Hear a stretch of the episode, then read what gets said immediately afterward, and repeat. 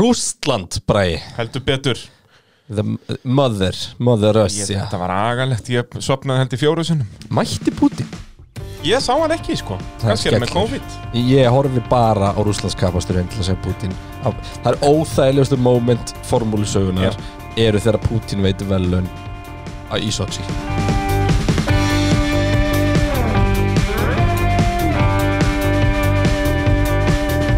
Já, Rússlands kapasturinn um síðustu helgi og það er pitturinn sem hilsar Við þurfum að vera með svona catchphrase þegar við byrjum Það er rétt Ég veit um minn catchphrase Keirðin í pittin Catchphrasein minn er bara Og við erum í Nova Sirius stúdíu og podcastaðurinnar Það er hárétt Það er Þetta svolítið var ákveðið svoleiðis. endurkvætt hjá þér Já, takk fyrir Þetta, ég fýlaði þetta Já, Það er útskýra endurkvætt núna já, gerða, do it Það var ekkert undir, jú það var Peres Það endurkvættið er þessari alltaf, kemni alltaf í miðju Baráttunni er alltaf að vera undarkvæmt að hægri vinstri sko. Ok, byrjum hérna á Ertu með trailer fyrir útskýring á hotnið Heyrðu, ég þarf að það- Hann ve- er næsta verkefni Hérna, byrjum á einna útskýringu um, Því að það er mikið búið að senda okkur og spyrja okkur út í ákveðin hluti Þannig að við ætlum að fara að lauma því að og svo hann planið verið að búa, búa til þátt sem væri bara að kenna fólki á formúluna Já, við hjólum í það ég veit Hjólum í það í vetur um, Undercut er sem sagt þegar að eh, já, ég er að elda braga á braut og bragi er hægar en ég myndi ég halda en ég kemst ekki fram úr húnum Þrátt Þannig fyrir ég- að ég sé í top physical shape þrátt fyrir að þú sett í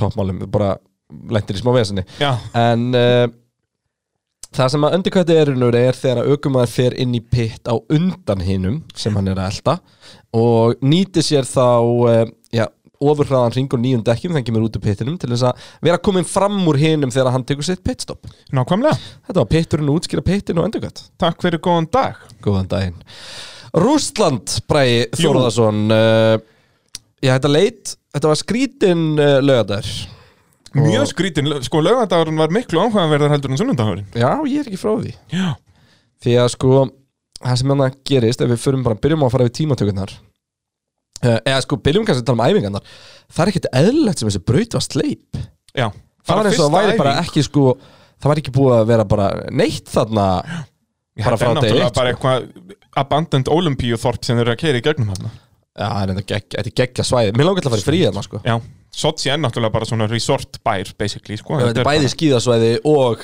strandbær bara- Og strandbær, og þetta er náttúrulega alveg þarna sundan, þú veist, það er alltaf heitt þarna, sko og þá- formúlubraut og badmintonvöllur Og badmintonvöllur maður, það er nú ekki amalegu Já, pakki ég já. held það Ei, Ég held það allavega, ég ger bara ráð fyrir að segja allavega eitt badmintonvöllur í Sochi bara þú vildi bara koma þess að, það Já, væri ég- badmintonvöllur Það er öruglega badmintonvöllur Já. Mæsum, ég ætla að googla það Is Grjóta there a þig, Kristján. badminton field in Sochi Uh, en uh, hérna, föstudagurinn, hvað voru þetta? Fjögur eða fimm kröss á einna efingu? Þetta var eitthvað rugg Bara, Ekkert cool samt nei, nei, það voru Ekki jafn þetta var cool svona að formúlu auðvitað- 2 krasið Já, sæll Shit, við tökum það fyrir eftir. En hérna Já, Rúslandskapasturinn fór fram og, og þar var Lewis Hamilton á ráspól maður minn Hann Bara- var hraður Ég heldur endur að, að Bottas hafi ekki bara gert í degið í, í loka tiluninu Já. Verðstappen Verstappen á einhvern ótrúlega hátt náði að splitta uh, Bottas og Hamilton og plantaði sér á fremstur áslínu í fyrsta skipti á árinu En er það ekki, einmitt, þú varst að segja þarna að Bottas að við aðeins getið Þú veist, var Bottas ekki svo mikið að reyna að keppa við Lewis að hann endan á að hleypa með steppin fram úr sér, basically, í Jú, tímatökum það er svolítið hannig Ég held að það sé svolítið þannig Bottas var síðan þriðji, Peres fjórði, Ricciardo fymti og Sainz sjötti, skemmtildana Racing Point Run og McLaren að að blanda sér uh, Okkon, Norris, Gastli, Albon tíundi og, Já, og eh, fekk refsingu, þannig að hann startaði 15. já, hversu góð er þetta í starffræði bræði?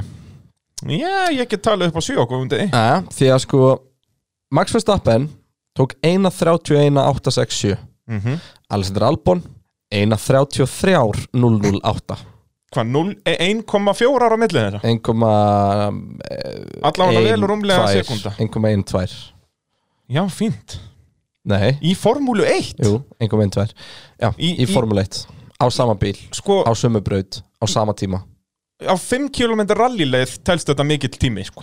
Já. í heimsveistara keppni í rally Já. þannig erum við að tala um kapasitusbraut sem er 3 km Mhm. eða eitthvað þessi albún, hvað þarf eitthvað að fara að sparki í hann Gastli var 8000 hraðari Já. Þetta er ekki í litla lagi, sko. þvælan sko.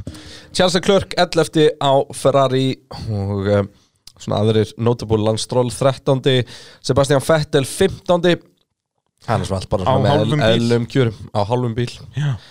um, og uh, já, það sem var áhugavert við tímatökunar var náttúrulega þegar tímin er tekin að Hamilton í Já. Q2 Hamilton er semst búin að setja sinn besta tíma á Mhm. millihörðum dekkjum og uh, já, eins og allir vildu gera því að á, á þessum tímum leit út fyrir að mjúkudekkin væri vonlaus kefnisdekk Já. Og En- reglunar eru semst þannig að þú verður að byrja kappaksturinn á þeim dekkjum sem þú klárar Q2 á ef þú ert í Akkurat. topp 10 Akkurat Og uh, hann þarf að taka annar hring Og það kemur raukt flagg hann á undir Já. restina Þannig að hann hefur bara einhverjar hvað? Var ekki Fettler sem krassaði? Já, Fettler krassaði jú. Já, þess að það hálfum bíl auðvitað Það var ótrúlega mikið tjón Já, já, bara hann var á hálfum bíl og hinn helmingurinn var dreifður hann um svona tvö postnúmer í Sochi Og tæbralið klörk að kera ekki á hann Já, maður.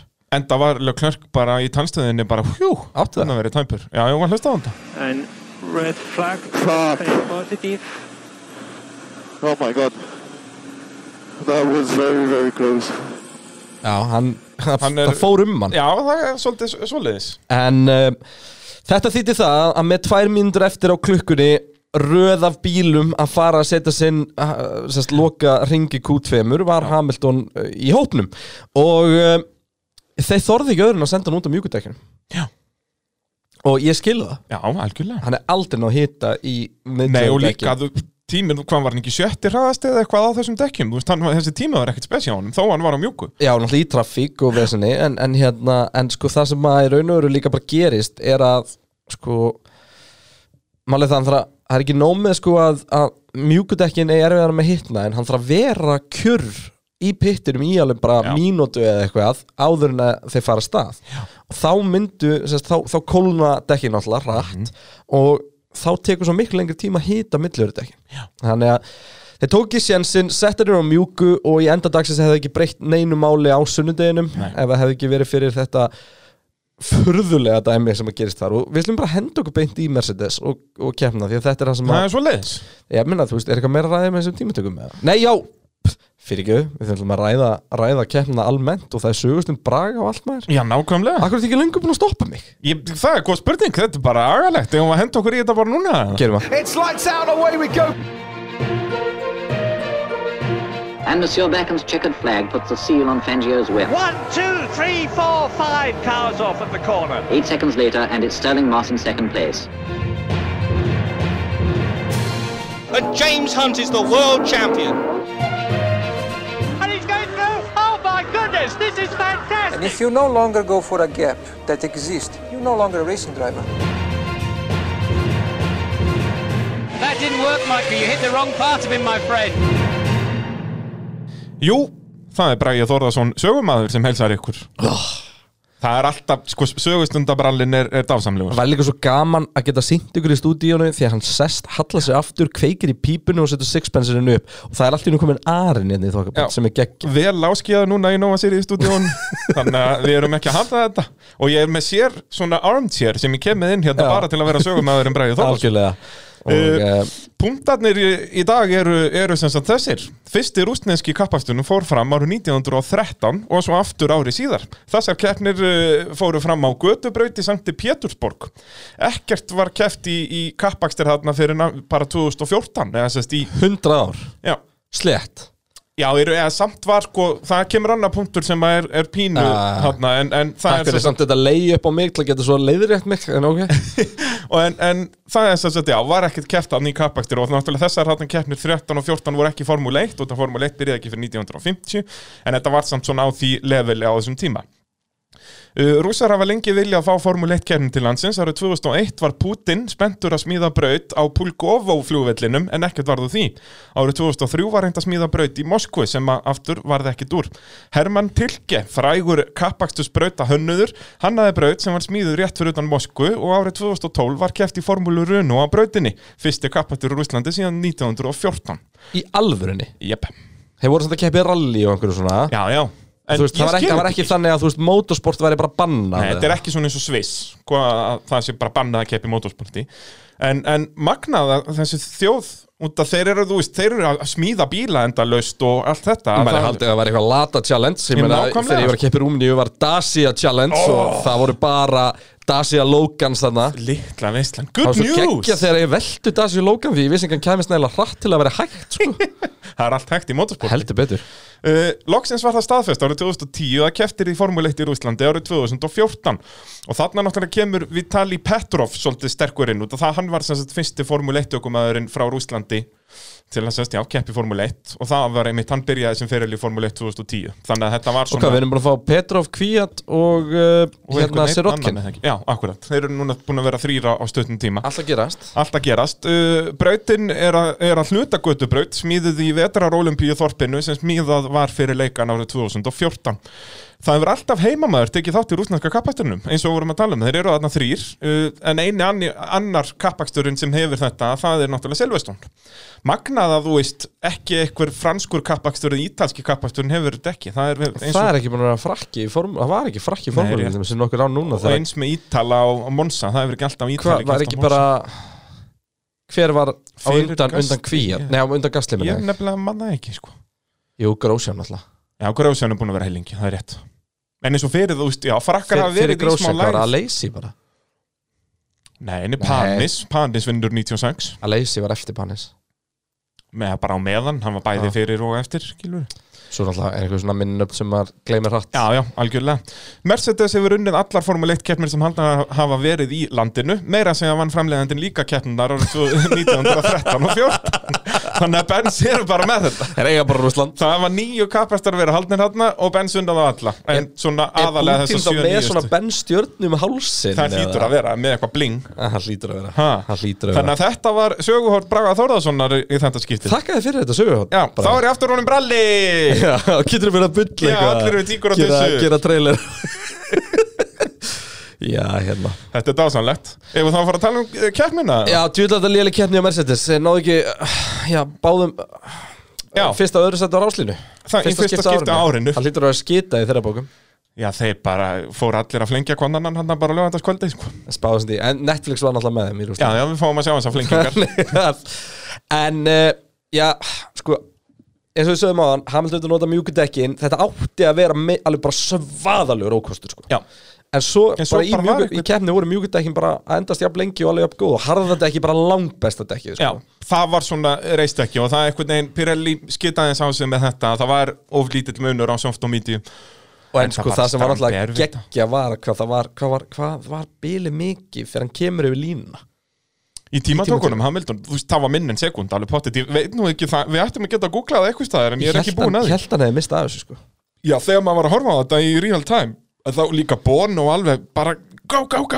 gá alveg snæltu vitlaus en sko einu sinni enn er Hamilton hann er undan í, eða er á eftir í æfingum og svo í tímatökum þannig hraðari svona amdjóks, er hann ekki að gera þetta viljandi? örglega Það þetta er bara hlýtur að eitthvað vera mím hjá honum Ég held að hann bara, Hamilton veit nákvæmlega, hann er með botta svo mikið í vasanum, hann veit nákvæmlega hversu hratt hann þarf að keira til að vera aðeins á eftir og Þannig að er hann gerir það var um bara- sig eftir Rósberg þannig að hann fokkar frekar í honum heldur en láta fokki sér Ég segi það, þannig að á æfingum er hann bara leifa Bottas að vinna sig hérna með 0,2 0,3 og svo bara í tímatökum þá bara kera hann aðeins ráðar Já. Þú veist, ég, þetta hlýtur að vera, þú veist, þetta er ekki tilvílun þetta gerist aftur og aftur og aftur en aðal aksjonið hjá Benz var fyrir keppni Já, útskýra aðeins fyrir okkur Bræði. Það ég skal sem svo sagt- útskýra reglunar já sko, eigum við ekki bara fyrst við erum nú að tala um þennan mann, eigum við þá ekki bara að skella okkur í uh, Lewis Hamilton horni nei, býtu World champion! Oh my god! I can't believe it! I miss my bitch. I'm missing my bitch. I'm missing my bitch. I miss my bitch. Guys, you need to be in their car. We need a new car. Sing the song. I miss my bitch. I'm missing my bitch. I'm Get in there, Lewis. I miss my bitch. They're trying to stop me, aren't they? Yeah, it was very good of him. I miss my bitch. Very good. Já, Kristján Einar Það var komið að þessara veistlu wow. ég held ég þurfa að fara að taka yfir þetta takkaborðina Nei, það er ekki fræðilegur Ég verð að hafa takkana hérna og þú- þá er ég mitt komið að Lewis Hamilton horninu já, já, já. Þetta, Og, var, eh, þetta var frábært leiði upp Takk fyrir, takk fyrir En, Ég það eh, gengur ekki þessi bara leðalegur við Vettel Nei, en eh, Það er tíkin okkar Lúin Samilton og það er svo fyndið, þú veist, þú ert að taka tvær góðsagnir í sportinu, Já, já. þetta er ekki eitthvað, þú veist Þetta er ekki herri, ég bara er Alex Grossman og Magnussen. Albon að tapa einu svona ennhotnið Nei, nei, maður verður að vera er, til- er til kontroversial. eitthvað lag sem heitir Can't Catch a Break eða eitthvað, því að það, er, það var Gæti verið. lýsandi fyrir hann Ég var náttúrulega með sko Lord, would you buy me a Mercedes-Benz á, á verðstappen það var reyndar, ég er ekki verið, það var sennilega sterkast einnkoma Já, takk, takk Ma- Maður reynir sitt besta en uh, já, hendu, hendu útskipta eins fyrir okkur Það er sess að uh, þegar að bílarnir alveg um morgunin fyrir keppni að þá fara þær út úr pittinum og mega taka svona æfingastart Þannig að Já, í raun og veru sko brautin er opin í hálftíma áður en, eða sérst í hálftíma þar sem að þú mátt ekki fara yfir sko ráslínuna en þú mátt fara í gegnum pittin og keira aðeins Já, Þetta er svo kallaði svo kallaði reconnaissance laps akkurat sem er sérst Bara sko. kanna ekki, aðstæður þú veist, uppbytna ringur heldur svona, hei, þú átt að fara á ráslínuna ringur og þú hefur hálftíma til þess áður en allir bílar þurfa konur á ráslínuna fyrir þannig allar þessar serimóniur og Mhm. þetta mm og það er sem sagt var fyrir keppnina búið að ákveða að hérna ef þið vilja taka svona æfingastört að þá gerir ég það bara hérna akkurat vendan á pitt leininu eða þannig það Já. er svona lína þar á mörgum brautum er búið að s- bara mála sér kassa þar sem þetta er bara gert til Já. dæmis í Brasilíu og fleiri stöðum uh, en Hamilton sest, ákveður að það er sest, of mikið gúmi þarna, þannig að hann er í rauninni ekki að fá réttar upplýsingar það er meira grip þarna en ætti að vera eða minna, en sest, Já, allavega með, ekki með að vera á staðin með að vera á staðinn þannig að hann spyr liðið, þeirðu má ég fara bara út í endan á pitlin, pitlin exitinu og gera þetta þar og hann býður í nokkra sekundur og liðið segir um já, það er ekkert mál svo lengi sem þú bara ert ekki fyrir já. og hann gerir þetta tvissan sinnum og mætur síðan á, á ráslínu og svo bara færa hann fréttir að, að þetta sé bannað og sérst Já. í reglum keppnir þetta er ekki reglur, official formuleitt reglurnar heldur bara í sér reglum keppnar var bara- var búið að taka fram að þetta verið bannað smáleitur eða þess að það verður nú tekið fram bara hvar mætti gera þetta já, og, en það sem er raun og ruggla líka í honum er það sko að liðið og hann voru ekki sammála um hver endi pitsins var Já. liðið var, var raun og verið að líta á það sem svo að hann mætti frá aðeins lengra heldur en hann var Já. en Hamilton fer alveg bara að endanum á Já, grindverkinu bara, Ég segi það, bara þar sem línan er skilur þar sem þeir eru að koma Já. út inn á brautina bara Emmett og gerir þetta þar og fær á sig tvær refsingar 5 sekundar refsingu og 5 sekundar refsingu Já, bara fyrir bæði Nefna, skiptin þetta eru sportingrefsingar sko. þetta er ekki hérna eitthvað svona tæknilegar eða eitthvað áleika þetta er, þetta er svona, þetta er refsingarna sem hún farið fyrir að klessa á fólku annars Já. og hann fær tvær refsingar fyrir sikkvort hlutin Já. hann fær annars vegar refsingu fyrir það að það er bannað að stoppa á uh, aðrin eða frárin pitsins og uh, fyrir að taka startið á vilsum stað þetta þýtti að hann fekk tvo uh, punkta líka í skiptinni sitt sem var enda síðan voru dregnum Dregnir tilbaka, til baka. skiljanlega Já, og þetta var Og- og... liðsfeil frekar en hans feil já og það var í raun og veru út af því að liði gatt sanna að þetta var liðin að kenna en ekki aukumannum þannig að þeim fannst eðlur að refsa liðinu heldur en aukumannum en þeir voru náttúrulega búin að refsa aukumannum Já, því að Hamilton fær þessar tíu sekundar refsingu sem hann þarf að taka í fyrsta þjónustilíðinu sinu og er aldrei með í keppnin eftir það ekki um fyrsta sætið og sérst reglurnar eru þannig fyrir það sem eru ekki með þetta á hreinu að sérst af hverju hann þurft að gera þetta í pitstoppun en ekki bara fá refsingu í endan á keppninni að þá er það þannig ef þú átt eitthvað, ef þú ferð inn í pitt að þá tekur refsingun út þar Já. En náttúrulega ef, ef hann hafði fengið refsinguna með tíu hringi eftir að þá hafði þetta bara bæst við tíman eins og, Akkurat. eins og þekkist með allar Akkurat. svona tímarefsingar Þannig að sko Þetta var ógeðslega klauvalegt Og enn og aftur, þú veist, þetta er í, þetta er í annars skiptið á árinu sem hann fær stóra refsingu fyrir að gera eitthvað vittlust í tengslu við pittin Hitt var náttúrulega Monsa og í Um, bæði skiptin er það í rauninni það var kannski meira honum að kenna á Monsa og það hann hefði hugsanlega getað séð þessi ljós og Já. eitthvað svo leiðis en þarna er þetta í rauninni ekkert honum að kenna Ég er ekki sammála ok, Það er ekki marga reglur brautarspecifik sem koma og það er Já, það fyrir er aukum mann rétt, að lesa já. Þetta snýst um, í sömu reglum er útskipt hvað gerist ef þú fyrir út af í fyrstu bygg Í sömu reglum er útskipt hvernig track limits verða já, þannig að þú veist bara, sorry kallum minn frábært að þú, þú náðar að kenna liðinu myndi að koma þér undan þessu og þetta er jú sannlega liðsfell því að hann spyr og þeir eru að vera með þetta á hreinu en þetta er svona, já, já þetta er enda mjög góð en punktur þetta, þú veist þú, hann átti samt að vita Já, þetta hann á að kunna reglunar í þróttunum sem hann er að keppi Já.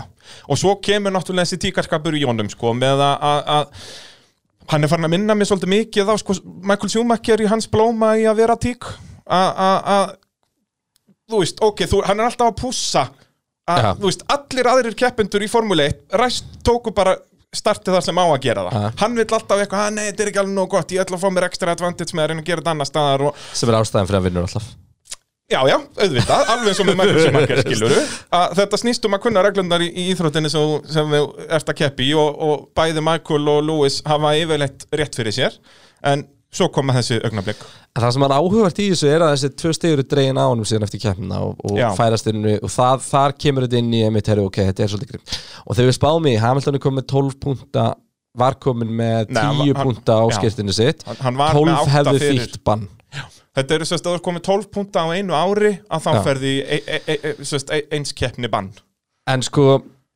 ég er alveg sammála því að þú sko, Hamilton að mínum að hefur ekki gert neitt til að verðskulda bann og þetta Nei. púntakerfi er sett til að stoppa svona Maldonado sem Já. voru svolítið að keira á fólk aftur og aftur og aftur og aftur Það var endar áhugavert að heyra út að a- aðrir aukumenn voru samanlega mitt þessu að- allir, að- að bara- allir toppaukumennir Já. voru bara heyrðu, þetta er kjaftaði Já.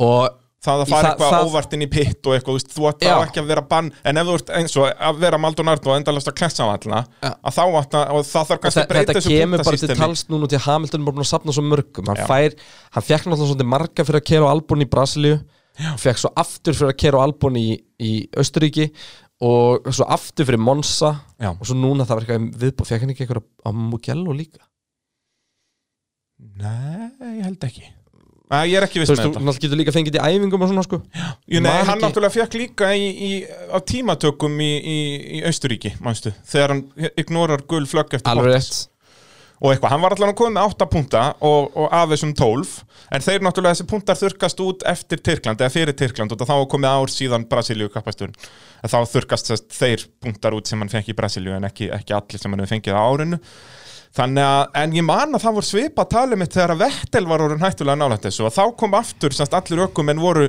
samála um það að úst, Vettel hafði ekki gert neitt til að verðskulda þetta Þú veist, jú, jú, það voru þarna þegar hann fór hættulinn á brautina á Monsa þarna og eitthvað svoleiðis en, en svona overalla, þú veist, hann á, á ekki skilað að fara í bann yfir Nei, það sem þetta hann er einhvern hefur veginn gert. að þú ert, að þú veist, þetta er til þess að stoppa þá sem eru reglulega að brjóta í keppninni á, þú veist, á, á kostnað annara kostna annara þó er sér að eðilegja sitt ein, ein, sín eigin keppni að það, þeir eru ekki að fara í keppnisbann út af því Nei, og sko, og þú veist og, og þetta er raun og veru sko, þú veist, ok, þessi gæðar alltaf að gera þetta, það er aldrei búið að vera ástæða til að banna hann fyrir eitthvað, þannig að þetta er svona uppsafnað Já. en það er ekki að virka í þessu tilfelli Nei, Því að eins og, maður þú þarf veist, eitthvað að endur ein, skoða eina sem að hann raunverulega á skilið e, þú veist, mér fannst hann ekki að penalty point skilin fyrir hérna, eða refsisti skilin fyrir Monza, með, þú veist að keira og hratt undir gulu flaggi, já Já, þá ætti já að setja og að alla þú í veist hættu að, að klessa á Albon hann í bæðin og að klesa á album, þú veist En bæði þess að Monsa og núna finnst mér einmitt ekki vera, vera sérst refsistig nei, ég sammála ekki út af því að hann fær bara og svo refsingu í sérðu keppninni sko, þú veist, það verður snertingi þessari keppni þegar stróla tekin út alveg klörk já, já. og sem er hann- bæði við nákvæmlega einn snerting Bara og bæði grófari. Peres og Hamilton og Albon sem sagt þarna í King í Austurríki. Maldonado postaði því og bara, er Er það? þetta ekki orðið eitthvað skrítið með sem sagt mynd af öllum onboardunum Já. og bara, þú veist, þetta voru 10 hérna sekundur, þetta voru 5 sekundur, þetta var ekkert Já. bara, hvar er, hvar er En sem hérna, sagt, það er, döðleikin það er skrifaði reglur maður á fyrsta hring er meira leniency sem sagt, þá er Já. ekki, ekki hort jafn grimt á svona en þannig að þú maður veist, skilur þetta er það alveg. samt ja, algjörlega, en hérna en þannig að þessi stig voru tekin af Hamilton og ég, ég stið það Já. ég stið það, mér fannst En fannst þetta sem aðstæður. sagt tíðir það samt að hann endaði bara þriðji í, í þessari algjörlega, keppni. og ég meina um, í ræsingunni þá hérna eru Bottas og Hamilton bara nákvæmlega præðir Vel Bottas gott kemst- start hjá Hamilton út af yfirleitt sko tapar sá sem er ræsir fyrstur út Já. af það er svo langt rönnað fyrstur með en Bottas nýti sér þetta til að komast fram úr verðstappen og kemst fram úr Hamilton með þessi átímubili en missir hann aðeins út þarna í fyrstu beinu og og Hamilton fyrir aftur framhjá um, Við sáum veist- þetta í fyrra líka mæstu með Ferrari hann að það er í rauninni best að ræsa þriðji í Rúslandi sem er mjög stegt. Já. Að ræsa annar er hrikalett. já, Út af þá ertu ekki með neitt fyrir fram að þig yep. og, ert á, þú veist, og ert fyrir aftan og ert fyrir Mhm. aftan fyrstamann. Þannig að- að við sáum þetta með Klerk og, og Vettel í fyrra það hjálpuðu stað og ja. það var bara planið allan tíman. einmitt. en um, sko Bottas vann þessa keppni og uh, það er rosa lítið hægt að segja um, um hann, hann sást allir í keppni hann gerði ekkert vitlaust, hann bara kerði Hlusta hvað hann sagði eftir keppni. mér nefnilega finnst þetta svolítið áhugavert bara, heyrðum við það My critics, to whom it may concern, fuck you. Sko, ok, já, cool Bottas en þú varst samt að vinna keppnið þar sem Hamilton var refsað Sko, ég hef alltaf fundist Bottas svakalega cool Þarna bara ég krinsaði, sko Já, ég emla líka Þetta er ekki Þetta hefur ógslag töff eða hann er bara eitthvað að Tekið pakka fram á Hamilton Hamilton, já, saman og, og skilja hann eftir, sko Nú er hann eitthvað að reyna að gera þetta bara sínu treytmarki alltaf þegar hann vinnur og segir hann þetta En Já, eins og ég segi, þú vannst þér ekki inn fyrir sér Jú, jú, hann stóð sér svakalega vel og allt það Náðu góðu starti og komast fram úr Vestappen og, En sko, þú veist, hann var samt hraðar en Hamilton bara yfir höfuð og þú veist já, og Hamilton, það er nefnilega magna með Hamilton núna Maður sér það ekki ofta, hann virtist bara bugast svolítið andlega hann hengdi þarna. bara haus í staðin fyrir bara að eitthvað, hei, reyna ég að er ná bara Vestappen og Já. eitthvað Og það náttúrulega líka kemur það að að hann er með titilin í vasanum, getum við sagt núna, en hann er nóg eftir. En sko, titilin í vasanum sko, Já, ok, það er ég komið- ætla, Jú, jú, jú, jú. Innu krydd kannski í þetta. Nei, nei, nei, nei, nei, nei, nei, nei, nei, nei. Mjög, mi- mjög mildur pipar. Ég ætla ekki að taka það fram Ég ætla að taka fram sko, hvað hann er að sofa á verðinu Já. Á þessu ári er Hamilton búinn að breyta sigri eitthvað sem átti að vera sigur í fjórðasæti í Austuríki með refsingu eftir að hafa kert á Albon í sjönda á Monza eftir að hafa hérna, uh, farið vilstunni pitt og í þriðasæti í Sochi þetta er hellingur fullt af stegum já. og spáðu í því ef að verstafinn væri bara á bakinu á honum Já. hvað Hamilton væri búin að skýta og við varum að, við varum að gera grína honum fyrir Já, sem mistök. nú væru, einmitt, þá varum við akkurat að gera það væri þetta komin eitthvað svona, svona, það væri komin eitthvað svona Sebastian Vettel trailer sko. Já, já, alveg 100% og hérna og þetta er, þetta er ógslag áhugavert þegar maður spáir í þessu því hann er búin að Út af þetta er dóminera svo svo mikil mikið au- þetta aulamistök, skiptir engu máli Já. en þú átt ekki skilið að vera að vinna heimsmyndatitilinu og bara henda þremur sigurum frá þér Og einmitt breyta þeim í, þú veist, fjórða og sjöunda sæti og eitthvað, sko Þannig að- að þetta er einmitt mjög góða punktur að- að að- Já, það er bara út af því að það er Ég myndi frekar kalla allir hinnir sem er svo lélegir frekar en hans er svo góður að það er bara engin pressa, það er ekkert, ekkert að En frekta ég skoðaði datað aðeins Hún fór yfir data hjá Bottas og Hamilton Og þá tíman og nú er náttúrulega bara að meta útfæði Hvernig Hamilton var að kera eftir hann kemur út aftur Og Hann var alltaf að tapa tíma Bottas sko. Og það var raunur bara hann í kringum 50 og svo þriðja ringminni mig Sem að sko ef þú myndir taka 10 sekundar af Hamilton Þá hefði hann komist í þre- sem sagt, þremur sekundum á bakvið Bottas og svo lengdi Bottas aftur í bylunu Já. þannig að þú veist, Bottas vann, það var alveg sangjand að Bottas við unnið þessa keppni, þú veist, hún vannst ekki bara á mistökum Hamilton, Nei, nei. en það er aldrei hægt að segja þetta því að við vitum ekkert hvort Nei, að þú veist, Hamilton hefði Hamilton kert hefði keyrt hraðar allt öðruvísi en eða, eða, hérna, eða, eða þú veist, Bottas náttúrulega höndlar ekki pressuna þú veist, það er svona ímislið í þessu Já. en Benz allavega er núna búin að gera nokkur auðla mistök þegar kemur að reglum og öðru slíku og það er bara rosalega mikið veikleikamerki sem segir mér bara það að þeir eru fannar að sofa eins og verðinu Já. þannig að við slum ekki útiloka að Red Bull sigur í einhverju keppni eða hvað annað sem eftir er og þetta er einmitt farið að minna bara svolítið á hvernig Ferrari hafa verið undanfærin ár því miður, hvernig, þú veist, þegar að Ferrari voru í þessu, í, með tækifærið á að vera í einhverjum slaga, þá voru þeir að gera þessi mistök en Benz ekki Já. núna verist vera að færast í aukan að Benz eru byrjar að gera þessi mistök, þannig að hver veit, hvernig framtíðin verður Færum okkur yfir til Red Bull uh, Max Verstappen annar í tímatökum annar í keppni, Alessandr Albon tíund í tímatökum fekk síðan fimm sæta refsingu hann og er ræsir 15. eh, já, tíundi í, í keppni uh, Byrjum bara að afgreða Max Já, Þessi tímatökur hingur, samkvæmt Kristján Horner að þetta væri besti tímatökur hingur sem hann sé frá Max Verstappen En Kristján Horner er rosalega gladur í að já, segja já þetta en við verðum náttúrulega líka að, sko, hugsa um það, Red Bull hefur aldrei náð velunapalli á þessari braut fyrir þessa kefni Það er enda rétt og, það að ná að splitta Já, Bensonum ekki ekki að bara að sko. rugglað en uh, hann sildi, svona, bara sildi ligna sjó í annarsæti, gerði ekkit vitlaus setti aldrei press á bóta, fekk aldrei press á baku sig og uh, kláraði bara í öðru sæti bara solid en hefði sennilega verið þriði ef ekki fyrir refsingu Hamilton náttúrulega já, Bottas hann nær honum er í hann er startinu. 100% í þri en Eh, samt velunapallur, það já. er betur en það höfðu gert En mér langar til að ræða þetta með Albon og svo erum að segja hann Já. 1,2, 1,3 og eftir Max Verstappen í tímatökum uh, hann enda fór inn á fyrsta ring lenda hann í einhverjum, einhverjum tjón nei, ég held bara lélegt start og, og, og þeir ætlaði bara að taka einhvern sjens já, út að hann var hann bara í 17. seti eða eitthvað eftir hann öryggspílin ná að skrambla upp í tíundasæti en það var bara eitthvað svo lýsandi fyrir Albon þegar Gasly fór fram úr um aftur en því að veist hérna já, þetta var hann á eitthvað 45. ringa eða eitthvað þegar að þegar Albon, Gasly er nýbúin að stoppa Já, ne- og Albon er að reyna að taka fram úr hver var fyrir framann, Norris eða, eða eitthvað, ég man ekki hver það var hann er að reyna eitthvað geðveikt optimistic move að reyna að fara innan á hann í einhverju beigju og það, hann kveldskítur og gasli kemst fram úr og það er voruð hann í lest Var, hann ekki, var ekki Giovanizzi? Já, það geti verið og, Eh, já, en bara, já, hrikalegur sem hann aktur kláraði svo bara réttur fram hann, ég held það já.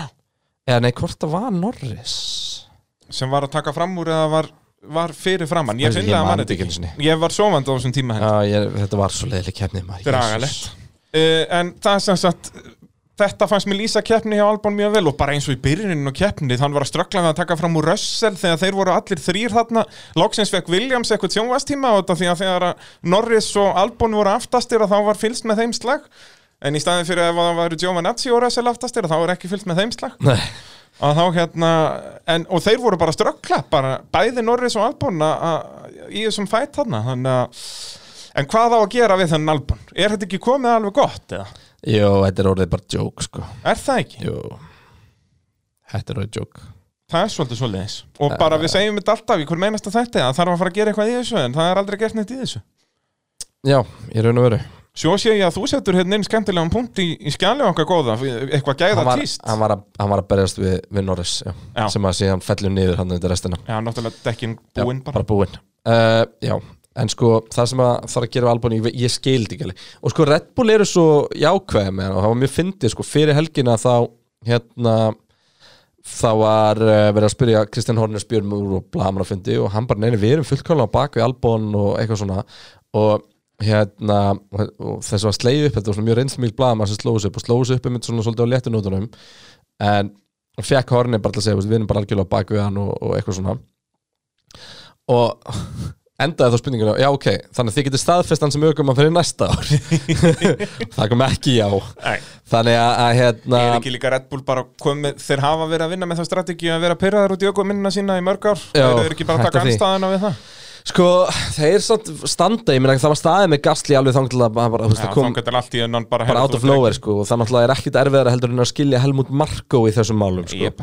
en uh, með úst, mér, ég myndi alveg meta sjensin hjá bæði Hulkenberg og Peres að enda bara í Red Bull næsta ári Vá, hvað það var áhugavert þeir eru ekki tilbúin og, og ég segi það út í að þeir virðast bara ekki vilja gasli Nei, og ég skil það alveg Já. Ef ég á að segja alveg svo er, ég skil það Þó að hann sé búin að vera frábær hjá Alfa Tauri og allt þetta Bara leifa honum að vera ha- áfram frábær hjá Alfa Tauri Út af hliðin á Max Verstappen, þá hættir hann mjög fljótt að vera frábær það er alveg rétt Það er bara þannig það er bara þannig og þessi bíl verður bara fyrir Max Verstappen þannig að þú þarf Já, bara að ég segi geta kert það. alltaf 200 bílum Já, já, og þá er mitt svona bara Peres og Hulkenberg hvít sem er líka góður á bakvið tjöldin Þú veist, með, með að hjálpa leiðinu og allt þetta Algjörlega. Bara er þarna og, og veit alveg að hann er nummer tvö Er ekkert að reyna, en þú veist, þá er fjandinn af það það, hann verður Hulkenberg- þá alltaf er það betri en Albon. Hulkenberg frekar sko Já, ég myndi segja það Og bara flott fyrir liðið að fá þannig og flott fyrir Formule 1 Þú veist, þeir myndi alltaf fá mikið gúttvill fyrir að fá annarkvæmt þeirra ég held að en ég ætla að koma með spurningu á þeir bræði Já, já,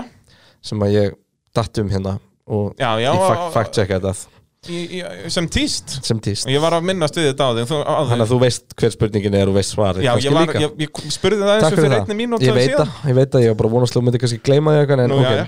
ég ætla að gefa, ég ætla að gefa þá á, áhörðum, Hlustendum. hlustendum tækifæri á að velta þessu fyrir sér í svona 5 sekundum áður en ég sv- svara spurningunni Já. Mercedes eru með 41 færra stígi í stígakefni bílasmiða heldur en þeir voru með á þessum tíma í fyrra sérst þetta er jafnmarka keppnir, Ferrari eru með 169 færri stíg Hvað heldur að Red Bull hafi náði mörg af þessum stigum sem Mercedes og Ferrari er búin að tapa þess að þeir búin að tapa samtals 210 eru, eru samtals með 210 færri stig heldur á sama tíma í fyrra hvað heldur að Red Bull sé búin að græða mikið af þessu? Akkurat, og þannig erum við náttúrulega að tala um að út af núna er Red Bull alveg augljóslega betri enn í fyrra er allavega Mhm. mm nær Benz og allt þetta og hversu mörg prósentir unna af þessum stigum Nei, bara hversu Já, mörgum bara stigum? hversu mörgum stigum, já Hva- Hvað halda hlustendur með þetta? Hvað er svarið? Christian Þeir eru með einu stigi meira heldur en á sama tíma í fyrra eitt stig Eitt stig þeir eru bóstalega búin að græða eitt stig af 210 stigunum sem að Benz og Ferrari eru ekki búin að ná í og restin er bara McLaren, Renault, Racing Point búin að taka Þetta er Og ó- náttúrulega ó- Alfa Tauri. Alfa Tauri Þetta er ótrúlegt þetta er bara magnað út að maður held einmitt að Red Bull væri núna búið að taka þetta skref mann, svona, Já. mann hefur liðið þannig Já. en nei, þeir eru bara á pari En Um bara, og ímyndaður, þú veist, við erum alltaf að tala um hvað Benz eru running away with it og þetta sé drefleðilegt, þeir eru alveg augljóslega lélegri enn í fyrra skilur við miðað við þetta þeir eru með hérna 41 stíði verra enn í fyrra já, þessi mistöku Hamilton er bara, bara þau eru nú. já það er, það, þarna eru, þar eru þessi 41 stíð Já, og sprungið dekk og eitthvað svona þetta er fljótt að koma þau út að fá 25 stig í kefni sko. já, eða 25, þeir eru náttúrulega að fá hva, 40 stig í kefni já, þannig að og Ferrari náttúrulega, já 169, þetta er bara það er náttúrulega, það er- það er önnur það við mistum, mistum eitt lið úr þessu bara en uh, já, segjum þá skilum við Red Bull annarsæti og tíundarsæti og uh, öryggir í öðru sæti stíðakemni aukumanna og, og, en Bottas og, og náttúrulega náttúrulega mjög öryggir öðru sendi bílasmiða já, en Bottas náttúrulega tók núna ansi stórt skrif á, á, á Max í eh, Já, aukumanns Max er með, með 128 og, og Bottas með eh, 161 þannig að stigasöfni á Bottas búin að vera í lægi núna í síðustu keppnum en náttúrulega Max með tvö DNF bæði Monsa og Mugello Já. Já, færum okkur þá við til McLaren þeir voru þriðju eh, eru þriðju í stigakeppni bílasmiða Já, svona eh, tæknilega sem er rámt að fara að tala um að klara núna með helgina, sko Já, já, en þeir eru, þeir eru þriðju í bílakeppni og það, Jep. er, það er það sem við erum að fara eftir Fengu 0 stig Fengur 0 stig í Rúslandi, takk fyrir takk um, Norris áttundu tímatökum Sainz sjötti, Norris klárar 15. en Sainz tók það alauðarlegasta sem ég hef séð Já, þetta var agalegt að horfa á þetta þetta var svo vandræðalegt Já. fyrir þá sem ekki sáu þá sérst, bombar hann hann út í fyrstu beginni og Já, já. f- Fína malbyggi sem er þar já, já, er þetta ekki bara álíka stórt og bílastæði hjá Smáralind Jú.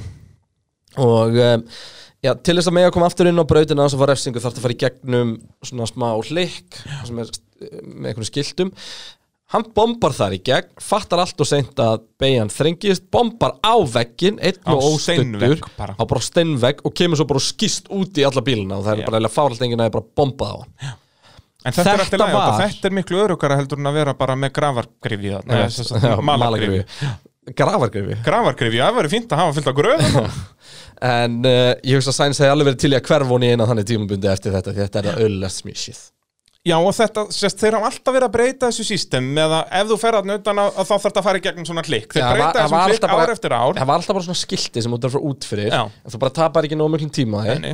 Þannig að núna síðustu svona 2-3 árin hafa þær alltaf verið með eitthvað svona eitthvað klikk og núna voru þeir með þetta þannig að ef þú gerir eitthvað mistök að þá ertu að hafa bomba á steinvegg Þetta var alveg Þeir bara, setið bara malagrifju þarna Hvað var rugg svo- er þetta? Þetta var svo öllegt hjá Sainz Guð minn almatur Hann ætlaði, þú veist, út að hann ætlaði bara að reyna að græða tíma á þessu Já. eins og margir gerðu Það, á fyrsta ring, eh, ekki á Já, fyrsta ring þetta er en- græða tíma, hann bara komin út í beginni já, já. og Það uh, ætlaði að röra þetta í gegn að Og röra þetta þetta í var gegn. ekki eins og hann hefði aldrei gert þetta áður Fyrir það sem ekki vita Sérst á í æfingunum þá fór allir Já, allir gerði þetta nokkru sinnum Bara til að vita, ok, og þetta er svona þröngt og þetta, þetta, þetta En, en já, virkilega öllulegt Þetta var, þetta er bara Og Norris, það er nú ekki oft sem maður heyrir hann pyrraðan En hann hafði þetta að segja í talstöðum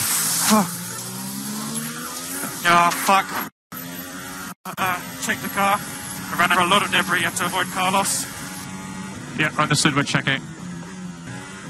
It's going to be a safety car. Two cars in the world. And safety car, safety car, drive to the Delta. And recharge on. What's Carlos doing? Trying to be a hero in turn one. Allt annað en sáttur með liðsfélaga sem þannig Ég Já, hætti alltaf bara að rústa í keppnans Hann já, algjörlega var En þú bara sérð síðastur eftir þetta sko Já, það, það, er- það er bara nákvæmlega svo liðs þetta var, þetta var blöðurlegt um, Ræsingin eins og við vorum að segja hún var erfið hjá Norris, lendir í, hann þarf að hæja sér hann út af Sainz, tekur svo fyrsta, eh, tekur sem sagt pitstop á fyrsta ringa bak við öryggisbílinn, fór yfir á hördekk náði ekki að láta við endast og Ég þetta var skiljanlega, bara hann, var- hann handónýtt. fer inn á öðrum ring og Já. minna það er það er allavega gott að vita að að það sem Pirelli segir er rétt, ég minna þau voru búin hann eftir rétt rúmlega 40 ringi Þannig að þetta er bara helgill að gleyma fyrir McLaren Já, Færum núll okkur stig. þá- færum okkur þau yfir á Racing Point og þar voru áhugaveri hlutir að gerast fyrir keppnin sem ég ætla að by- kannski byrja að útskýra Mhm. um, En svo við erum búin að tala um og ég var búin að nefna þá voru Ferrari að reyna að kæra að, og fleiri að þeir gætu ekki fengi afturfjörunina frá bensinum sem- frítt sem fyrir sagt- næsta tímabil Já, Þannig að það sem Racing Point hafa gert á baki tjöldin er það að þeir hafa flýtt þróunni til þess að fá nýja kerfi inn ef þessi dómi fari gegn þeim og mæta með eitt bíl tilbúin með nýja fjörunapakkanum fyrir þessa keppni því að já, í dag þegar þessi þáttur er tekinu upp 30. september er homolegeringin fyrir næsta ár Það er svoleiðis Já, þannig að allir hlutir sem að hafa verið notaðir fyrir þessa keppni telja sem þínir hlutir í ár og þar leðandi hefði þetta alltaf verið frítt fyrir þá fyrir næsta tímabil samkvæmt þessi dómur hefði farið Já. en auðvitað henda þessu á bílinn út í að þetta er sko major upgrade samkvæmt öllum Já, já. Strólsson sem síndi það ekkert annum helgina en uh, búist við að þetta verið komið á báða bíluna fyrir Þískaland Já. Peres fekk þetta ekki og eh, um leið var náttúrulega ákveðið eitthvað, já, þetta fær stróla þetta en minna stróla fyrir honi í stíða kemd nökumanna og ef það þetta ákveðið út úr einhverju þá var það bara ástæða. Peres alveg koma líka með svona komment um þetta eitthvað, það sem verið að fela upplýsingar fyrir hann, hann fá ekkert að vita og eitthvað. Hann er að fara frá liðinu. Já, já, en hann er samt í liðinu. Já, hann er samt að fara frá liðinu. Hvað finnst þér um þetta? Eins og bara þetta, hann kemur með þetta Heldur að opinberlega. Fettel sé að fá að vita eitthvað um ferri, já. Nei, nei, en sem sagt bara að- að Peres kommenti um þetta opinberlega, finnst þér sem sagt ekkert að því? Ég liðið búið að skýta á hann. Já, ég er sammála, hann hafði samning, það er bara, Já. hann hafði samning þarna Hann til fær samt örgulega 2021 og eitthvað eitthvað. pening fyrir að hætta, sko. Já, ég held að hann hvart ekkert. Það fá alveg borga næsta ár, sko. Já, ég held að hann verði ekkert eitthvað mikið að að kvarta peningalega sér. Nei. En uh, Peres með frábæra tímatöku, nær fjórðasettinu. Og heldur því síðan bara. Já, Stroll Ósigur. hins vegar 12 og eins og segja, Peris bara held þessu fjórasæti gerði bara ógslag vel alla keppnina bara einn besta keppni í honum ég hinga til en um, ekkert mikið um að segja, hann þurfti ekkert mikið að hafa fyrir þessu eða þú veist, hann var ekkert í miklum slag Nei, í rauninni ekki. Og, og Hann var bara mjög það er solid rauninni í fjórða. hrós Já. að- að- að það- Hann þurfti ekki að hafa fyrir þessu. Það er ekki eitthvað að hann og hann er mjög góður að sko eins og við Bara kallaðum management, manager já. já. keppnina og það var bara það sem hann gerði hann bara, hann er hann- ef hann Hann var að leita að þessum gæjum eins og Hamilton og Vettel að ef hann var á besta bílunum kæmist af stað fyrstur þá myndi hann alveg ná að halda því Já. Þú veist, hann, hann, Hann er bara ólsegur Já, kapasitökum. það er bara nokkulega málið hann, hann vantar bara smá exportur í hann og þá væri hann topp, topp maður sko um, sko Stroll var alltaf tekin út hann í fjörubið eða klörk sem að kæra á hann og hann var brjálari vel, klörk eða ekki fengið refsingu fyrir þetta Já. skiljanlega, sko. Skiljanlega. þetta var fáránlegt klörk átt að fara refsingu fyrir þetta En ég minna Peres fær ekki, fær- fær ekki refsingu fyrir þetta í setni austuríkis kapasitunum þegar hann gerir þetta um við Albon. alveg rétt, en þú veist, finnst þér ekkit fáránlegt að sé ekki meiri stöðuleiki í þessu Nei, bara í núna alveg, finnst mér einmitt- verður ekki bara brot þú veist, þetta er alltaf sama brotið þá, manstu, rætti alveg helling að það þarf að dæma brotið ekki afleggingarnar Já, og þar var brot sem var ekki afleðinga beint, þú veist, jú, hann fer hann aðeins út á og kemur svo aftur inn á en núna, þá var meira þessi afleðing, hörku afleðing stról búinn, keppnin búinn og það er e- engin refsing á Leclerc, Já, en við tölum um það í Austuríki mitt að okkur finnst þetta ekki vera refsing á Hamilton og svo Rétt. set, helgin eftir var ekki refsing á Peres og núna er ekki refsing á þannig að mér finnst þetta rétt Já. eina sem mér finnst rámt í þessu er að Hamilton að fengi refsingu í fyrstu gerninni já, kannski já, það, það er eiginlega, já, þannig að kannski er einmitt þess að segir stöðuleikin komin núna Já, bara að þeir gerði eitt feil þarna en hafa verið s- s- s- með þetta rétt síðan já. þannig að ég er runni þar samt var svo auðvelt að sko meti þetta líka bara út frá sko þetta var sama beigjan og allt Já. skilur í sum eins aðstæðum og einmitt setna broti var raun úr gróara út í að það var ekkert pláss vinstra megin þá þannig að já, og, og náttúrulega ofan á allt að þá var þetta á fyrsta hring núna og þá er þá er já, að það rafta gerist meira Mm. meira linni en sí þannig að bara svolít ekki refsinga, bara menn verða allir okkur menn verða að passa sig á fyrsta hring Já. en Racing Point allavega fara með annar með eitt fjóðarsæti en stróla dett út í annari keppni í röð og það Já. er svolítið dýrt fyrir hann um, Já, núna er Peres bara að ná honum í, í ég var ekki eitt sigurkeppni. stið á milli þeirra já. Peres með 56 og Stroll 57 og Peres búin að missa út tvær kefnir en þá kemur heitasta liðið akkurat núna myndi ég segja Já, heldur betur Runo Ricciardo 50 í tímatökum, klára 50 kemur svo upp í sjötta sæti í stegakefni aukumanna Ocon uh, 7 í tímatökum, klára 7 og uh, Ég held styrklega staðrind, ég held að r- þessi úsliti og runn og eru semst, eina liðið fyrir utan Mercedes sem að ná því að ræsa og klára með báða bíla á í sömu stöðu Ég held að bara Mercedes sem að ná því á þessu tímbili já, áhugavert Mjög áhugaður, hvernig fannst þér þessi En bótt? ég elska líka að það hefur verið ég held og þetta er ekki Já, búin að nei, ég faktjaka er þetta ekki búin að fakt checka þetta. Það myndi taka svolítið langan tíma sko. En uh, geggjur ræsingin í Ocon Já, bara búin að ná Ricciardo þarna strax í byrjun og var hann ekki með þess að komið fram úr hann á tímabili jú, okkur var alltaf fyrir framann Fanga til Fór fram úr að honum. kontroversial dæmið kom Einmitt um, Ehm, Þeir bara að kera þarna vel bíllinn greinilega orðin miklu, miklu betri og það er nefnilega eitt sem við glimtum ég held ég hef minnst á þetta einu sinni í, í vetur en sko núna erum við loksins að sjá nýja, nýja tæknilið hjá Runo komin þú veist, Pat Fry kemur hann inn og, og, og þú veist, Sem er það voru bara legend. fullt á hausum sem fekk að fjúka hana eftir síðast tímabil en það var náttúrulega sá hópur sem hannaði þennan bíl Já. þannig að það er ekki fyrir núna það er uppgreitin sem við erum að sjá sem er að koma frá Pat Fry teiminu og þau eru öll að gera bílinn betri Mhm. -hmm. hvert og eitt einastæðum og hann er ekki lengur svona one trick eins og hann var, þú veist, bara góður á Monsa eða eitthvað, hann er bara góður allstæðar og það er einhvern veginn svona sko ég veldi því fyrir mig hvort það er ekki Ardósi farin að sjá eftir þessu núna að hafa farið ég sá að þú settir hann punkt hérna í skjælu og okkur góða og, og fórum mitt að pæla svolítið í þessu núna fyrir þátt að- að er það ekki, þú veist út af því að þetta Mercedes var mótorinn movie- er ekki lengur þannig að hann sé, þú verður að vera með Nei, nei, andlikutunnið al- alls ekki það eina sem hann hefur er bara hann er, hann er hérna Eh, Reliable Já, hann er kannski, mest reliable, ég var bara að leita íslensku orðinu yfir reliability, bara Já. þú veist, hann bilar ekki. Áreiðanlegur. áræðanlegur Takk fyrir. af þeim og uh, því að runamótin ennþá Ég að meina, bila þú ert svolítið ekkert að- Já, samt ekkert eitthvað mikið Þú ert ekkert að sjá hann springa í annar ykkur í keppni sem þetta var hérna fyrir þremur orðum síðan með líka fá bíla með hann núna Reyndar þú veist það er góður bara punktur. maklarinn og runum en uh, En, en en hérna við erum samt að sjá DNF á bæði runum og Já, já, maklarinn algjörlega, mótorum, a- skilur. algjörlega. en já, þetta er ekki ruggli sem Red Bull voru í á tímubili en sko, Þetta er mjög góða punktur út að Ríkjard og veist, þetta ég var sé móvið hans að- ég sé runum freka fyrir mig sem heimsmyndstarli heldur um maklarinn í dag Já, ég myndi segja það Þú veist, Er að fara McLaren er að fara að í vera- aðra markaðsaðferð þarna með Alpín og allt þetta er að, semst, er að fara að halda áfram Það voru nú einhverjar svona efasendur um það Já, og er að sækja, þú veist, topp-topp lið, sko, þú veist, og þá er ég að tala um ekki bara aukum, en heldur líka utanbrautar. Rikki Ardó var náttúrulega um geggjum samningarna, 25 miljón eurur á ári. Og þetta var múfið hann skilur og þarna ætla hann að verða meistari Þú veist, síðan er þetta pílu auðalegt núna Hann er að færa sig úr því á, í annað leið sem er bara á pari Já, Þú veist, sem frekar að var bara samt á committaður. meiri uppsveiflu Já, ég þegar, segi það, þegar hann gerir tekur ákvörðuna, sko. Eins og við tölum um í En voru að þú þetta veist- var sniðut hjá honum McLaren er að fara að vera, sko, uh, customer lið hjá Mercedes. Já. Þannig að þeir eru aldrei að fara að vinna Mercedes Nei, Það ég er vil held bara ekki, sko. Það bara má ekki gerast Þú veist, jú, jú, þeir gæti alveg gert það en, en þú veist hvað ég meina Já, Þannig að, að þetta er mjög góða punktur og, og já, gæti nefnilega Ég held að Ríkjart og en það er miklu Í öðuldur að lok vera McLaren ferilsins fann munum heldur við en Bruno horfa- fann, sko.